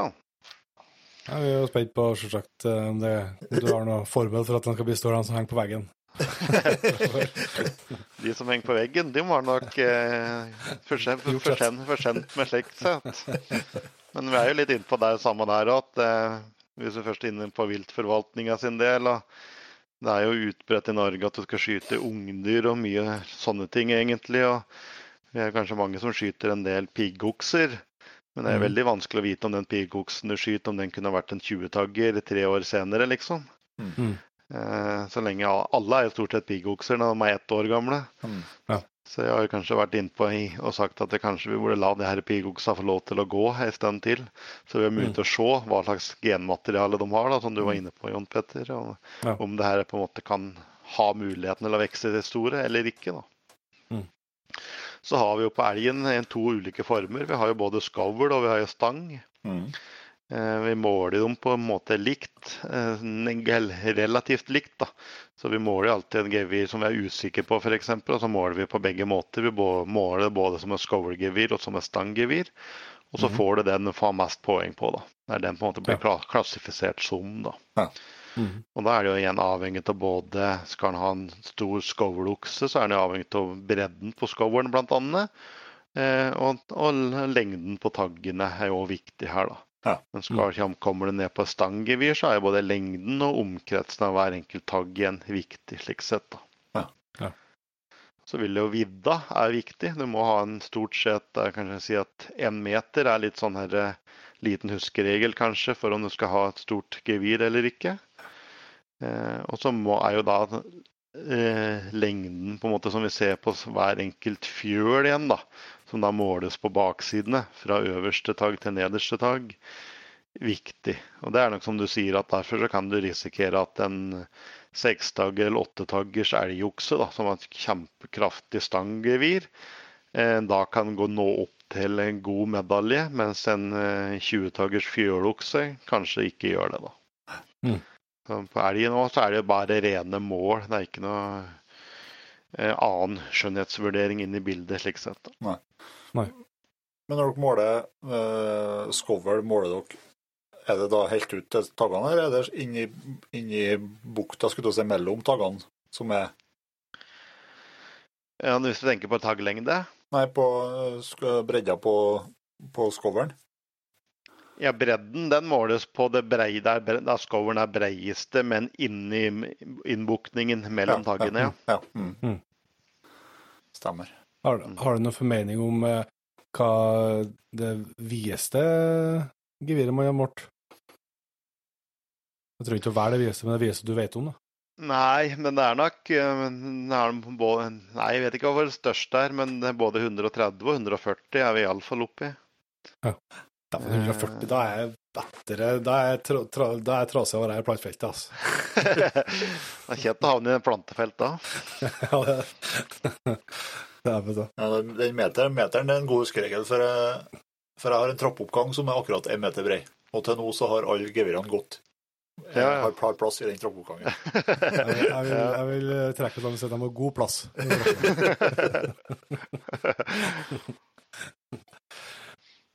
Men dere, dere for, altså, er det, For det har jeg tenkt på når jeg har sett eh, på topplista, og sånn der, men det framgår ikke til dem, i hvert fall. Uh, for at du sier at det dømmes både som, som stang og uh, eller, eller cover. De aller liksom, største er, er, vet du om de er det ene eller andre, skal jeg si? Nei, Jeg tør ikke si det helt sikkert, men jeg tror nok de er Scovel. Mm. Ja. Men det er egentlig et godt poeng. Det kunne vi egentlig med letthet ha ført på egentlig da, bak på de listene. Om de har dømt mm. som Scovel eller stang, for det er egentlig interessant. Mm. Ja, for det er jo artig å vite hva som ja. For at de er jo mektige på sett vis, eh, begge, begge trofeene. På vis for ja. de kan se veldig, veldig ulike ut. Ja. Eh, det er jo Jeg vet jeg har sett et kullgevir som jeg har for meg, en nitager, som var som jeg tror var 105-6 poeng, nei, 305-6 poeng eller noe. Og, ja. og det, var jo, det er jo jævlig tøff gevir, da. Den er ja, ja, det blir det da. Skummel, å, skummel å slåss med, altså. Ja. Nei, men Det er et godt poeng. Det kunne jeg tatt med seg. egentlig. Føye på bak om det er skovl eller stang. Det er jo enkelt mm. å gjøre i tillegg. Mm. Mm. Men uh, taggene på Hvor mye har du på et skovlhånd, og hvor mye har taggene å si? Teller dere uh... Eh, på Scover så har ikke det veldig mye å si. Nei. For der har du på en måte, der kan du kun få maks 15 poeng uansett. Ja. Hvis det måles okay. som en Scover. Så du kan få eh, du kan få mer poeng med en, eh, en 16-tagger eh, med stor Scover enn en 22-tagger med liten Scover, på et vis. Ja, kanskje, men det er igjen avhengig av tagglengdene, som du sier. da, for Hvis den på en måte har kjempelange tagger, så kan det hende den vil få mer som en stanggevir igjen, da, enn som den gjør som en scovergevir. Mm. Så det er på en måte sammenhengen både med bredden på skovlen og i tillegg da hvor lange tagger den har, egentlig. da. Mm. Som vil avgjøre om den på en måte havner som det mest med det ene eller det andre. For da er det typiske sag, sagbladskovlene, skulle du si, med, bare, med masse små sånn Ja. to- to-tre centimeter Mm. store, store tagger. Men eh, hva, hvor, hvor lang skal de være for at, de blir, for at det blir regna som? Den må være over to centimeter. Ja. Men, men det er på en måte egentlig, det kunne vi kanskje sagt innledningsvis, og det må jo være på alle gevirene, egentlig. Ja. Eh, eller alle må, målingene vi gjør, unntatt på, på villrein. Den kan være litt mindre. Der holder det med 1, nesten 1,3 er det vel. Ja. Men på de andre så må den være to, og den må da være den må være, den må, den må være lengre enn det den er brei til. da. Ja. Eh, Så du sier som mange sikkert er det scovelgevir som bare har masse nesten runde tagger. De, de vil ikke da bli, vil ikke telles som tagger hvis de ikke er lengre enn det de er breie i bånn. Ja. Nei, for du har jo ja, den, den som ble eh, skutt for runden din, Petter. Mm. Den ble, ble jo bare ble jo nesten avrunda på slutten. Der tror jeg bare 14, eller det var 14, tror jeg. eller alle 14 var mer enn godkjent, da. Ja, ja. Men siste, siste sikkert, eh, jeg vet ikke hvor langt det kan være, men det er sikkert eh, 40 cm eller noe. ja som er, Der er jo ikke noe, noe tagger. Det er glatt, Ja. liksom. Var den gammel, eller? Ja, det, det har jeg ikke fått hørt aldri, men det Jeg hadde tippa det i hvert fall, Ja. vanvittig grov. Ja. Du klarte ikke å ta rundt stanga heller. Ja. Så den var Og så har så er det backa opp at de kikka på en 20-tagger på den samme haugen året før. Ja, ja. Så at de trodde kanskje det kunne være samme helgen. ja samme. Uh, men uh, uh, på her så er det ikke så enkelt å komme seg opp på, på gullmedaljen, da. Det er bare å innse. Ja, du er i veldig eksklusiv gruppe hvis du klarer å skyte en gull av elg, iallfall. Mm. Eh, og det kan jo Jeg tenker og det er, litt, eh, litt negativt òg. Da tenker jeg at vi måtte ikke klare å ha en litt bedre forvaltning av elgen, så vi kan ha mer store okser òg. Jeg tenker litt Mm. viltforvaltning inn i bildet her igjen òg, da. Ja. At det hadde vært bra hvis vi hadde klart å få enda flere gullokser på en måte opp hvert eneste år. Mm. Det er som vi sa i stad, det er veldig begrenset hvor de store oksene ofte kommer ifra. Da. mm. Hvor, eh, men altså, det er jo så vanskelig å si uh, utviklinga der bare ut ifra trofébedømminga, i og med at det kan være eh, at man ikke har oversikt over eh, det, eller hvor mange som har levert, i, levert inn og, og, og sånt. Men eh, eh, hvor, hvor, hva er den største, er her, da? Største elgoksen som har skutt, Mm. Det som er målt, iallfall, tenkte du på? ja. Det er målt, det er målt, ja. Den er fra oppe i Storhaugdalen, og den er på 375,15 Ja. poeng. Dæven ta.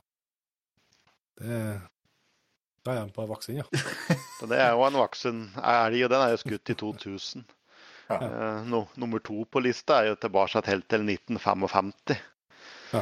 Så det viser jo kanskje det at det er vanskelig å komme opp på en måte på lista. Da, og Mm. Mens vi både på hjort og råder har på en måte skiftet det kan ja, både topp tre og topp ti mange ganger de siste åra. Så er det, som vi sa i stad, færre og færre Vi gjør det på både elg og villrein, egentlig. Da. Så er det lengre og lengre imellom. De ordentlig, ordentlig store. Da. Nå er det mulig at jeg er på villspor, men er ikke den storelgen som står opp med rv. 3, er ikke den basert på en av de, de største gevirene? Det vet jeg ikke, det kan godt hende. Jeg tror den er, den er tatt uh, litt fra en av Det er ikke sikkert den som er på topp, nei, men jeg tror det er en av dem som er, som er skutt i Sør-Odalen, som, er- som er fryktelig diger, ja. Ok. Ja. Det mener jeg har sett- en plass. Hva, hvor mange gullgevir tror du det er i snitt i året som kommer inn på elg, da? Jeg vil si at det er 10-12 som er Ja. dømme som gull i, hvert, i de siste tre åra f.eks. har vært. Da. Mm. Ja. Så det er ikke veldig mange, altså. Dæven, da. Det er ganske Det var faktisk Jeg, jeg trodde det var flere enn det, jeg. Ja, og det er jo egentlig ganske få når du tenker på at Ja. vi siste året har ligget ja, jeg husker ikke akkurat siste, men det er 7 38 000 elger kanskje vi har skutt de siste Mm. året. Mm. Eh, Så er det jo veldig få andel store av de, da. Mm. Mm. Det er jo litt sånn et lite skremmeskudd da, tenker jeg, da, i forhold til eh, elgbestanden sin del. Jeg kjenner at jeg føler meg litt eh, Det her er jo, er jo snikskryt så det holder. Eller det er kanskje mer direkte rett ut skryt, men hvis det stemmer at det er 20 elger, si at det La oss si at det er 20 eller 25, da, bare for å si et tall. De siste to årene som har blitt gull, så er tre av dem eh, eh, skutt i eh, ja, innenfor en radius på to mil fra det vi jakter. Ja. Ikke så vel, å- vel merke, vi har ikke skutt noen dem. Men- Jeg tror nok Men det er helt riktig, altså. Jeg Ja. ser, det på, ser det på lista hvor de kommer ifra, så det, Ser du? det er nok Det er så riktig. Så du har ganske stor helt- sjanse Petter, til å få det til. ja, det Sånn, sånn. altså, det er ikke geografien som er problemet, men det er andre faktorer som Det, er ja, det er faktorer. Jeg tenker, Jeg at, tror jo jeg tenker vi andre ligger mye dårligere an, som må jakte i andre mer marginale områder. Så vi sliter jo veldig her. Jeg så, jeg så er jo eh, Det er klart det er vanskelig å bedømme, eller umulig kanskje òg, men jeg, jeg så jo en i høst der på langhold i kikkerten som, eh, i, i scopen som jeg tror jeg hadde kommet seg godt inn i den klubben med Jeg tror de var godt kjent med angrene som har skutt i området, for å si det sånn. Så Ja. de fins vel. Artig det, da. Men det er sånn eh, Vi, vi, vi nerder litt mer på elg her, da, men vet du Eller hva er det, hva er det største antall tagger som du, eh, du vet om?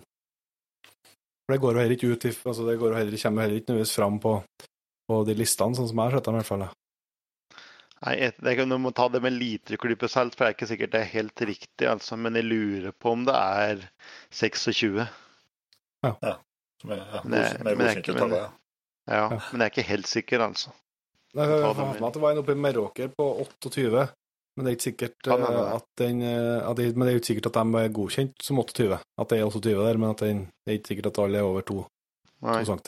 Men det er ingen som har passert 30-grensa, nei. jeg tror ikke det. Ikke det jeg kjenner til, iallfall. nei. Det er jo et mål for Østendal, da. ja. Nei, Litt greit å ha noen mål, da. Ja, det, det er fint. Eh, ja, men da har vi vært gjennom eh, hjorteviltene. Eh, vet ikke om du vil inn på rå- dåhjort? eh? Nei, det er jo på en måte en art vi har veldig lite av her i landet. Da. Så Ja. det er jo på en måte ikke noe veldig Men det er jo en del jegere som er i Sverige, kanskje, og som har litt eh, fått erfaring med en der, da. Men Mm. der er jo på en måte mye av de samme målene som vi ser på vanlig norske hjorten, da. Ja. Mm. Som er inne på det samme der. Der har skovlbredda og skovlengda er litt viktigere igjen, da, på en måte. Mm. Utrolig flott uh, truffet dere der når det er med kapital, ja. Ja, jeg syns det, altså. Helt Mm. klart en ordentlig fin skovlbukt og dåhjort er utrolig fin. ja det er altså. Men eh, jeg vet, eh, noen, noen av de reglene som dere har justert siste, siste årene, Roar, det er jo det med tørketida. Og, Ja. Jeg vet jo, Uten å nevne navn, så vet jeg jo at en annen som sitter i det samme studioet her, har, har drevet og lagt elggevir i spenn og forskjellig for at de skal holde vidda til at skal, de skal bedømmes om noen måneder. Kan fort slite med det. da, at Han kan fort låse sprekker av den grunn òg, så det er ikke like trygt å prøve det. Jeg har vært borti noen som har prøvd det, som har delt seg etter hvert. Ja. Å. Jeg berga. det Nei, ja, tørketid har jo vært tidligere tre måneder. Ja. Mm. Eh, og den til da endret til eh, 30 dager i stedet for. Ja. Ja. Eh, Og det er jo egentlig er det rådyret som er det viktigste her på den biten. Som vekta har veldig mye å si, som vi var inne på. Ja. Og så der gjorde det på en måte CIC en undersøkelse med å ha masse rådyrgevirer, og da målte hvor mye de tapte seg hver enkelt dag. Og da så du vel egentlig at det var de første ti dagene de tapte seg mye. Ja. Eh, og de tørker veldig mye i løpet av ti dager, og så var det veldig lite etterpå. Og Derfor så fant de ut at, vi med, at det var helt greit egentlig da, å endre den regelen, så vi kunne ta, ta det til 30 dager da, i stedet for. Mm. Det var ikke noe behov for å ha 90, egentlig, som det var utgangspunktet. Men hva slags regler, eller altså, hva betyr det sånn Kunne du da ha lagt det i fryseren eh, når det er helt ferskt, skal jeg si, og så forut og tatt opp det? Ja, du kunne nok eh, Jeg tror ikke du klarer å lure dommerne våre på den biten. For det, det hender jo at vi ser det kommer noen gevir inn som har egen lukt, og som på en måte Du kjenner jo den rålukta litt. Og så klarer du å kjenne det på en måte både med lukta og når du kjenner på dem på en måte om de er ordentlig tørre eller ikke. Mm. Ja. Så det hender vel at jeg har hatt noen som har kommet innom og som vil ha et bedømt. som jeg mener at jeg, Da de sier at ja, den har tørket 30 dager, men eh, jeg er litt usikker, så jeg kan jo kan jo få lov å ligge på peishylla mi i tre dager. Så kan jeg måle den da. Så kan vi, for, for da får du vekta på den da. Mm. Og da er det som du ser, er alle, vil, alle da har jo tørke utrolig på de tre dager, på en måte. da. Ja. Og Ligger de på peishylla i tre dager, så er de knusktørre ofte ganske kjapt. Ja. Så vi, det klarer vi å merke. Det kjenner vi ganske godt, altså, hvis de Ja. ikke er tørre. Nå hører du jo, Inge. ja, det, det er langt ifra meg jeg er bekymra for. Men der også ser du jo veldig kanskje hvis den, de som er litt nedover i Europa, jakter litt råderbukk og kanskje erfaringer fra Polen og forskjellig. da. Mm. Og Der er de kanskje litt mer slu, vil jeg si, sånn sett. da, For der får de på en måte De passer jo på å bedømme den med en gang de gjør en GV dit, og så bedømmer de om kvelden. Da det er kjempebløtt ennå, liksom, på en måte. Og så må du betale deretter da, på en type prisliste. Ja, ja, ja. Eh, så, så den vil jo tørke utrolig innen du får den hjem igjen, på en måte, og du får de 30 dager på den slik sett. da. Så Du betaler, du legger igjen litt ekstra tips sånn, jo. Det gjør nok helt sikkert det. Men det, men det gjelder, for, gjelder det for alle, både skaller og gevir og alt i hop, eller er det kun gevirene? Alt legger, gjelder den tørketida på 30 dager. Ja. Mm. Stemmer. Eh, vi må jo se litt om, eh, om eh, bedømminga av skallene på, på rovvilt her òg. Eh, det er forholdsvis nytt, sa du? Ja, eh, innenfor jeger og fisk så ble det vel så vi tok med oss dem i 2013. Ja. At vi gjorde et nytt vedtak på en måte da og tok med oss alle, eller andre arter da i tillegg. Eh, både rovviltarten og bever er ganske enkle slik sett, med at du har kraniet og overdelen av kraniet da, på en måte med, over med tenna i overkjeven. Mm. Og så skal du da måle lengda på kraniet, og du måler bredda på kraniet. Mm. Og så er det summen der da, som avgjør eh, hvor høyt du kommer opp på skalaen. Altså, det er jo forholdsvis enkel måling, det. da. Kun to målinger. Så der, har du jo, der er det jo greit å, å gjøre en sjekk, sjekk sjøl, da, før, han før en fer, så han vet omtrent hvor det, om det er medaljemuligheter eller ikke. da.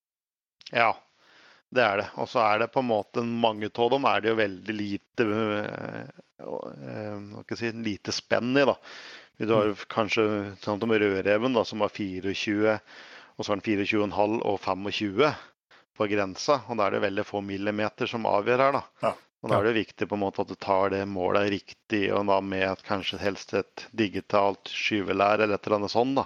Så du klarer Mm. å få helt eksakt, og gjerne da med to desimaler på i tillegg. da. Mm. Mm.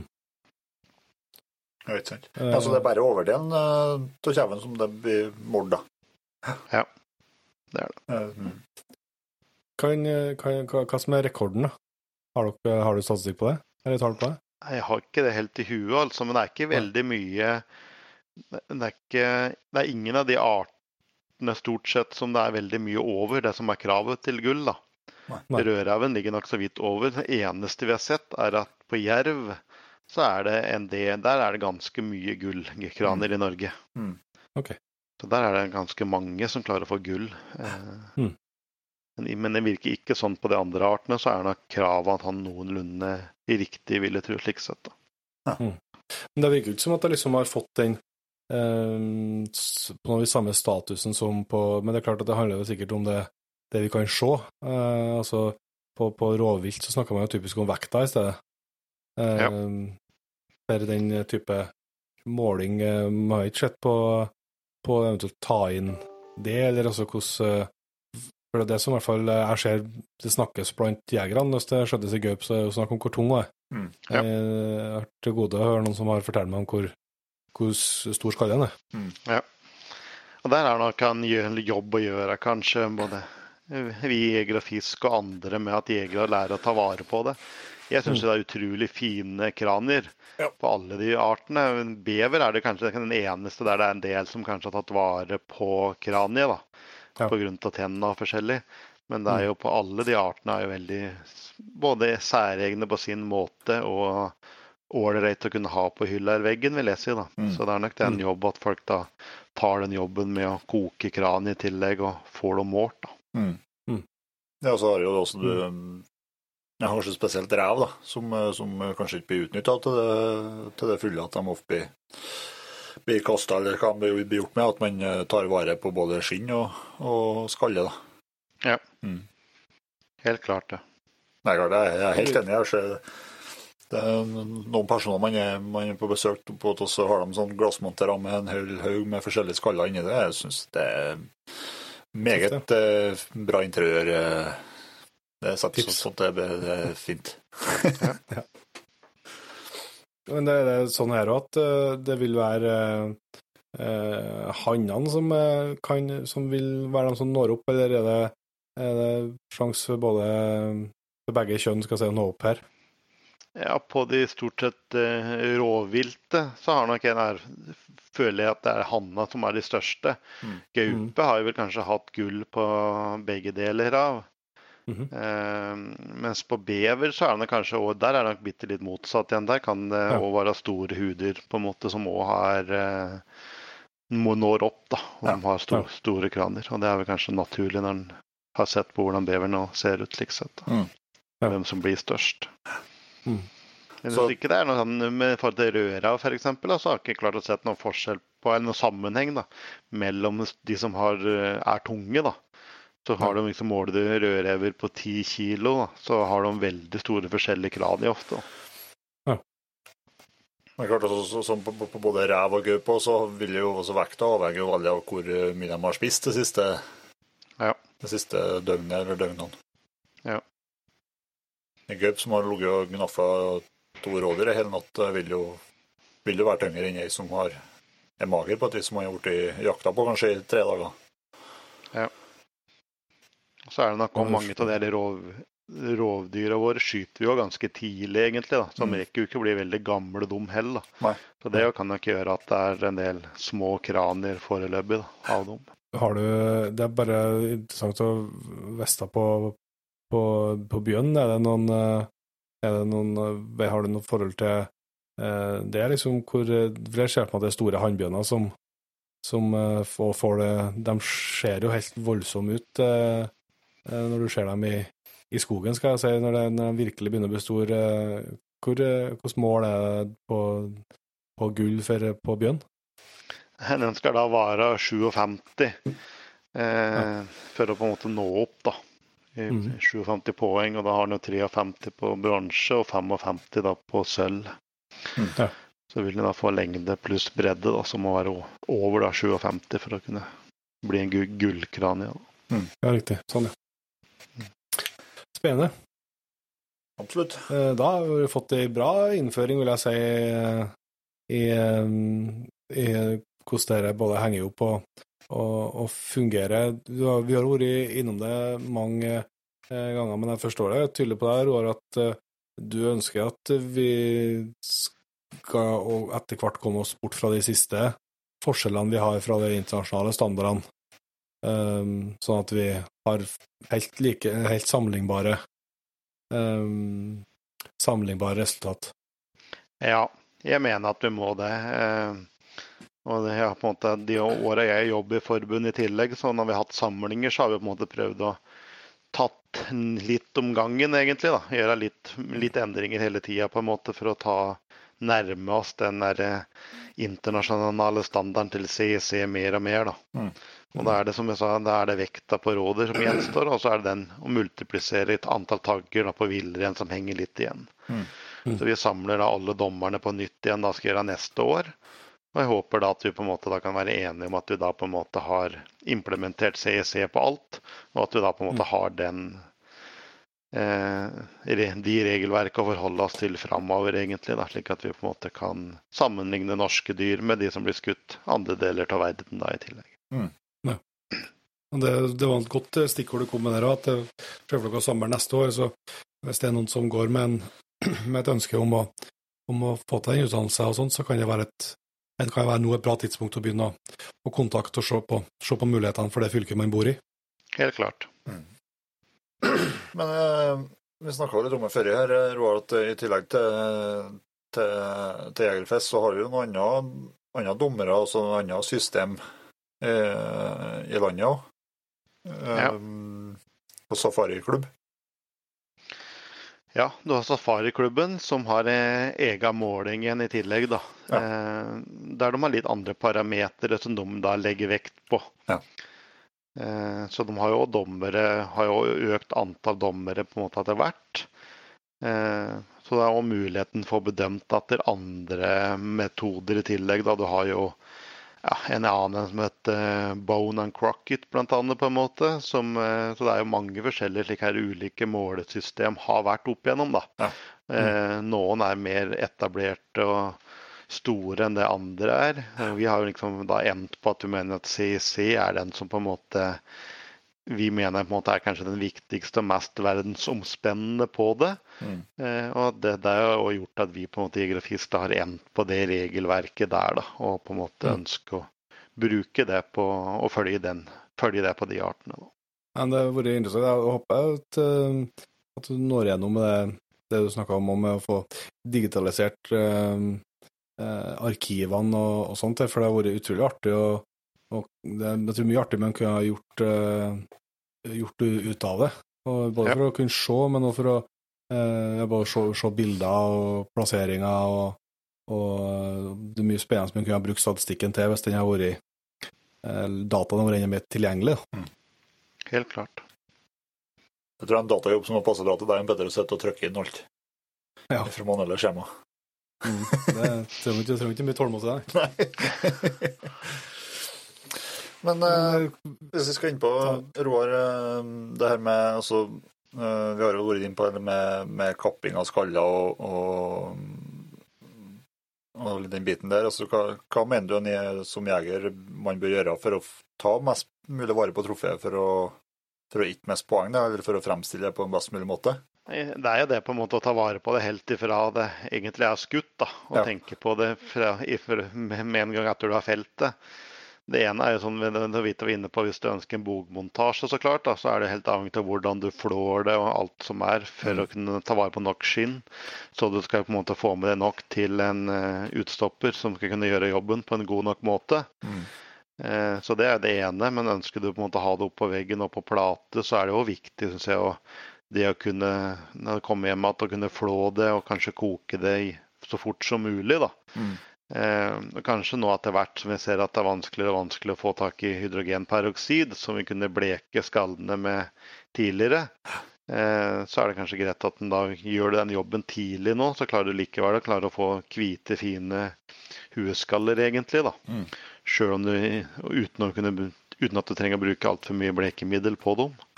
Mm. Og da er det jo det på en måte både det å kunne flå dem og koke dem så raskt som mulig, og da kunne renske dem egentlig da etterpå, gjøre rent dem kjapt egentlig da. Ja. Eh, mange syns jo det er en veldig krevende jobb. Eh, jeg syns ikke akkurat det, er, akkurat det er så veldig mye jobb, for du har jo har du en mulighet til å få kokt det i en stor balje eller et eller annet sånn. Så er det jo egentlig bare da å bruke høytrykksspyleren på den etterpå, og så blåse det rent, egentlig. Mm. Og har du da varmt vann og kanskje noe såpevann i tillegg, og får blast av det da, så blir det relativt hvitt og greit. eh, Ganske så enkelt, syns jeg. da. Mm. Mm. Det er også en jobb som er vesentlig lettere hvis man gjør det. Gjør det Ja. samme, samme dagen eller, eh, eller eh, dagen etter, i stedet for at det ligger, ligger bakom garasjen i 14 dager først. Det er helt riktig. Eh, Fuglen, fuglen må få ete mat- matanga, vet du. Nei, men det har vært utrolig nyttig. Det var et eh, ting til som pekte på før vi går inn for landing her. Det er hvis det er noen eh, eh, brenner inn med noe, noe skaller, noe gevir som de har lyst til å få bedømt. Det, det ligger ut en oversikt eh, på sidene deres, eller over alle dommere, så en kan finne ut hvem som er nærmest seg sjøl. Ja. Jeg har det. Som sagt nesten 50 dommere hva? rundt om i størstedelen av Norge, i alle fall, slik sett. I alle Mm. fylker, iallfall. Mm. Så da er det på en måte en oversikt på nettsiden vår. Så bare gå inn der under jakt og trofeer. Og så finner du både navn og nummer eller på, så på alle dommerne. Så er det bare å ta kontakt med den som da bor nærmest, og få han til å bedømme Mm. geviret for det. Ja. Eller kraniet. Og der ligger også den, den, den, den, eh, PDF-en som man får til å gjøre seg et lite. Der ligger det både en type det troféhefte som dommere i tillegg bruker, og så ligger det òg litt beskrivelse på hver enkelt art i tillegg, så du kan klikke inn på hver art for å se ulike målinger på en enda litt bedre måte igjen. Mm. Der ligger òg de Så- topp 50-listene fra de som har skutt i Norge da, i tillegg, som oppdateres hvert år. Ja. Hvis du ønsker å vite hvor du har muligheten til å kunne havne da, på de største. Mm.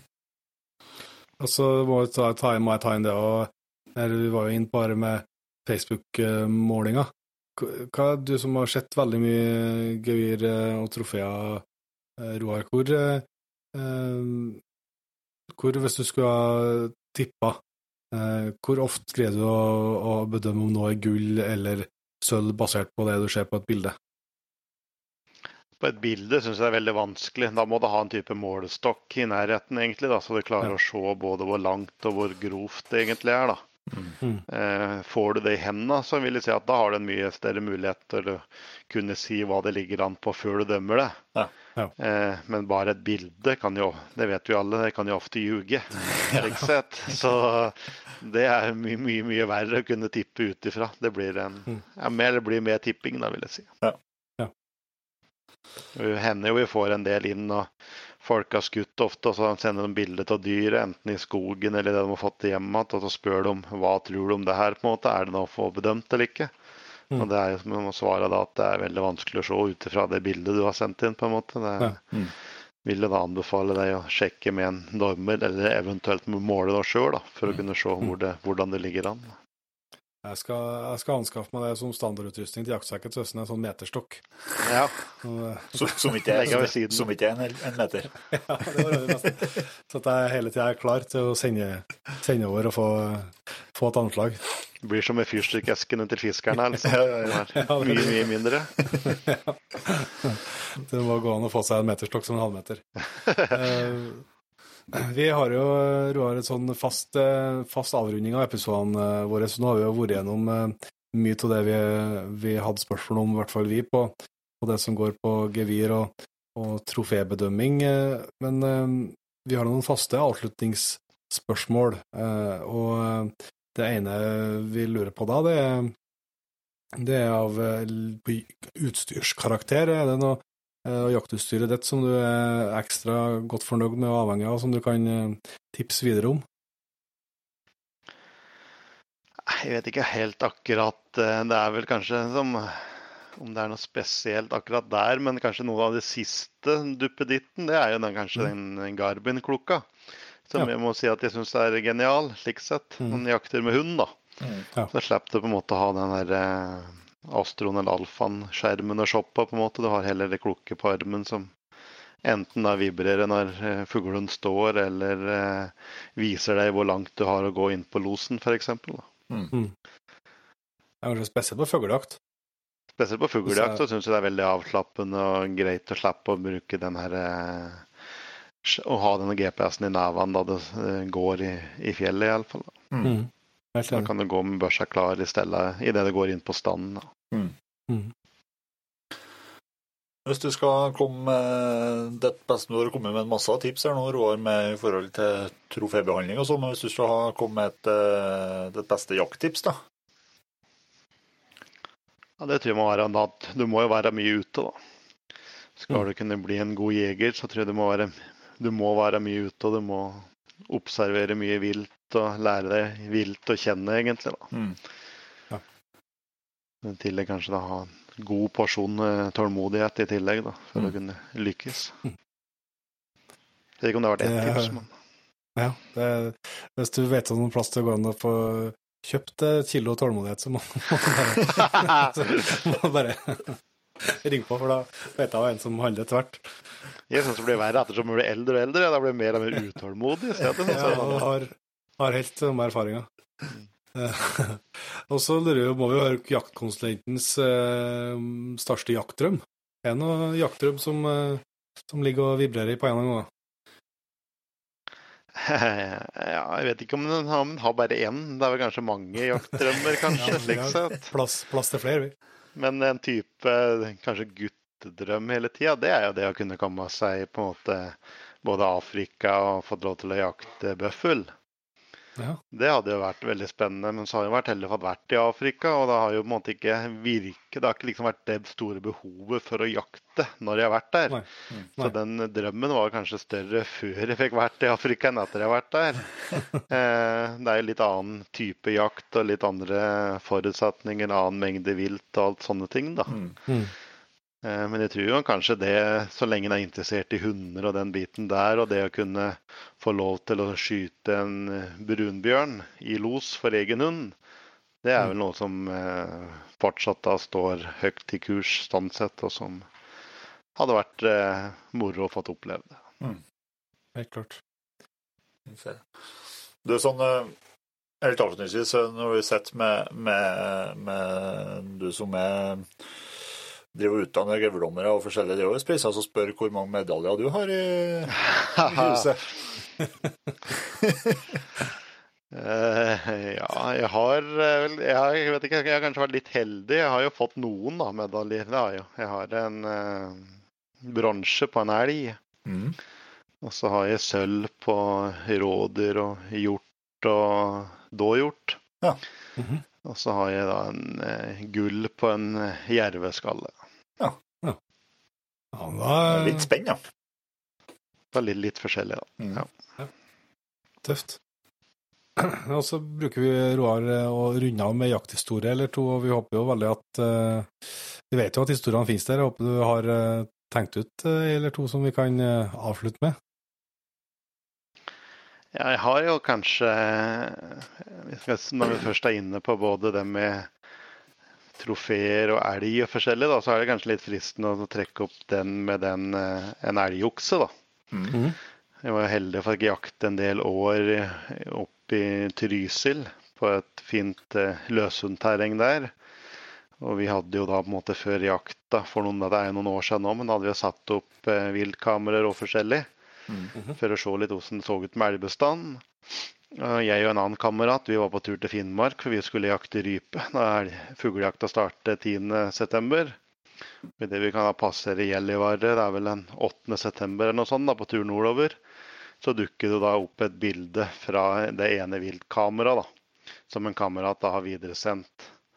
Og Der er det en elgokse som er så stikk ene fjølet foran kamera. Og vi, måtte, vi kan telle ti tagger da, på den ene sida. Og da blir det jo en ekstra stemning. en er en ekstra stemning i bilen, selv om du skulle på rypejakt. Og så når elgjakta starter noen eh, par uker senere, så har jo den her elgoksen eh, fortsatt i minnet, og så klart i bakhuet. Mm. Og så er vi jo et lag med mange ivrige, dyktige jegere slik sett, og mange hunder, og mange løshunder. Men så ble vi liksom enige om at eh, ja, vi visste jo at det var det i området, vi visste jo at det var store okser der. Så ble vi enige om at ja, men da skal vi jo prøve å sortere litt i år. Da var jeg litt forsiktig, for vi hadde jo bare én stor okse på kvota. Mm. Og så ble det jo på en måte at vi hadde jo både loser på både sekstagger og åttetagger og titaggere. Vi hadde en 14-tagger og forskjellig. Som på en måte hele tida ble slapp de første dagene. Når du slipper 14 dager, da er det iskald, ja. Ja, det er det altså da. Eh, da har du trua, eller så har du ikke tru, eller ikke trua, jeg vet ikke. Og da var det på en måte for femte jaktdagen. Så har jeg en østsibirsk laika som der fikk los oppi snaua. Eh, og kommer innpå der, så ser jeg at det er en kjempestor okse. Eh, og på en måte bøyer seg huet ned liksom, for å jage unna hunden litt. da, Og liksom fronte hunden litt. Så ser jeg bare at det er alvorlige fjøler. Men det er klart det er vanskelig å telle tagger når du på en måte har et riflehull bortatt den. da. Jeg så at den var såpass stor, så jeg tenkte at det her må jo være korrekt å kunne skyte. Og Det er en utrolig spesiell opplevelse på en måte når du kommer bort til en sånn stor elgokse som da ligger der i lyngen, og du liksom ser det bare alvorlig fjøl, og så begynne å telle tagger på en måte på den. Eh, og så viser det seg da i tillegg at det er den oksen vi på en måte hadde da på kamera eh, idet vi skulle til Finnmark eh, noen uker tidligere. da. Mm. Ja. Det. Eh, Så det er nok en opplevelse, både for at det er egen hund, så klart i tillegg, og at du får skutt for egen hund, men òg at det er et fint trofé på en måte å minne og ta med seg videre da, i tillegg. Mm. Måtte du telle mange ganger, Jeg måtte nok telle en par ganger, iallfall. Ja, det, Kom, kom, kom, kom til 21, da. Ja, ja, ja. Dæven ta, det er heftig, ja. Det er ikke, noe, det er ikke så mange som får uh, oppleve å bryte den 20-grensa, nei. Nei, og det er uh, moro å få en sånn type okse. I tillegg så sto den jo på en måte i nesten egentlig oppi snaua. Ja. Og fikk mm. los på den i et veldig åpent terreng da i tillegg. Ja, det er helt rått. Så at den da både kommer inn på for skudd og alt, og at den i tillegg holder til eller går da i den i, i, og, i snaua slik sett, er jo utrolig mm. spennende. Mm. Mm. Det er klart. Tøft. Det, det ble ikke, ble ikke kortere ventetid til høsten av den historien der. Eh, men jeg tror, vi skal, jeg tror vi skal ta og prøve å runde av med det, Roar. Og så skal vi si tusen takk for at du valgte å ta tida til å prate med oss. Det har vært utrolig lærerikt. Mm. Så ja, bare hyggelig. Håper at, uh, håper at det kunne vært inspirasjon både for noen som har noe liggende som ikke har fått mord, eller uh, noen som kanskje går med en, uh, en dommer, dommergjerning i, i magen og, og, har lyst til å prøve seg på det etter hvert. Mm. Vi håper på det. Takk for praten. Takk for praten. I like måte. Det var altså Roar Lundby, det. Jævla trivelig kar. med Jo tvil om at han hadde stålkontroll eh, når det kom til GV-bedømmingen, Roar. Nei da, det var interessant, det. Så er det jo litt artig å få høre forskjellene og hva som er lett. Jeg hørte jo fort at du har tenkt å pille inn på, på rådyr eller rein, bare for å Få meg en det. ja. ja. Nei, det er vel litt lett, det, da. Det er vel mange som uh, som jakter om så hele livet for å, for å få til, men det er vel større sjanse, i hvert fall. Ja. Jeg må jo si at jeg ble veldig overraska når det kom til elgen. Ja. Eh, at det var så Jeg visste jo at det var vanskelig å få til gull, gullelg, eh, men at det var så marginalt at det er snakk om bare en 10-12 i året i snittet, ble en overraska over likevel. Mm. Men du med dine jaktområder har muligheten? Ja, ja, ja. De, Større muligheten enn oss andre? Nesten avgjort. Jeg har vel fortsatt til gode å, å, se noen, i hvert fall på nært hold, som er, er den klassen der, så det er vel ikke eh, dermed sagt at det blir noe, noe nei det tror jeg, men eh, det er jo eh, Det er med trofé du har litt innpå, altså at der har det kanskje litt sånn jeg vil jo si ufortjent dårlig rykte med som troféjakt, at det ikke er på det. Vet nå både deg og du med oss sjøl at det ikke trofeene som, som, er motivasjonen for å komme seg på jakt, men det er jo ikke noe tvil om at, uh, i hvert fall for min del, at, at, det er en ekstra dimensjon i, i jakta. Det jo, at, uh, at, det ligger, ligger alltid i bakhodet der det er når det er okse for våre del på elgen på kvota, så, så vet du at sjansen i dag, så er sjansen der. Det er jo ikke sikkert du de aller fleste dagene så får du ikke se noe som, som, har noe. men plutselig så kan sjansen være Og det er jo i hvert fall jeg kjenner jeg på de gangene du ikke har okse på kvota, at en da har litt sånn da, da frykt. Ja, du har litt sånn frykt for at uh, du skal få, skal forsvinne, nesten. så det er noen ekstra dimensjon for, for, min del med jakta, i hvert fall. Så det var kult å få, få lære seg litt mer om det. Jeg tror ikke det blir siste gangen vi prater med en Roar. Nei da. Vi var inne på tematikk som vi skal ha med han på flere ganger. Yep. Men uh, vi har jo igjen uh, gleden, den store gleden av å ønske en uh, hel gjeng med nye jegere velkommen inn i Patrion-jaktlaget. Mm.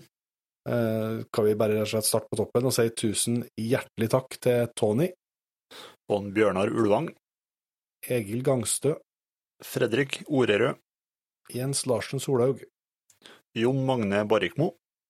Martin Haga Jensen. Øystein Storholm. Roar Jysland. Idar Olsen. Kospel Harvold. Jørgen Løken. Anton Buei. Lars Kristian Rostad. Lukas K.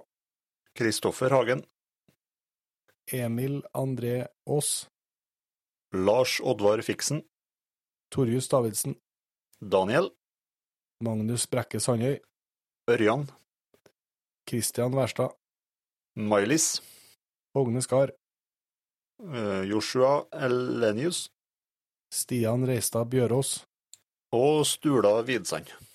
Tusen hjertelig takk til alle dere, og selvsagt til hele jaktlaget som allerede er med oss. Eh, vi kryper jo faktisk eh, stadig nærmere målet om å få lov til å dele ut en Blazer R8 Ultimate Leather Edition, Jegerpodden-logo på kolben og det hele.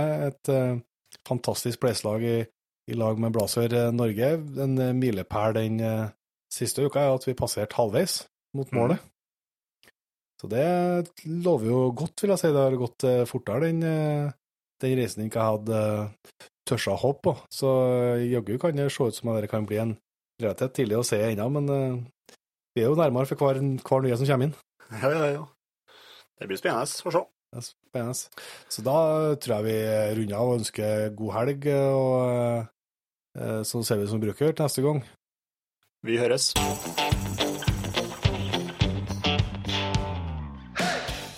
Tusen hjertelig takk for at du valgte å bruke litt av tida di på Jegerpodden. Sjekk ut jegerpodden.no eller din favoritt-podkastspiller for enda mer innhold og flere episoder. Følg også Jegerpodden på Facebook og Instagram, og ikke minst, husk å fortelle alle gode venner, familie og tilfeldige forbipasserende om Jegerpodden, sånn at vi får spredd glade budskap videre. Vi høres.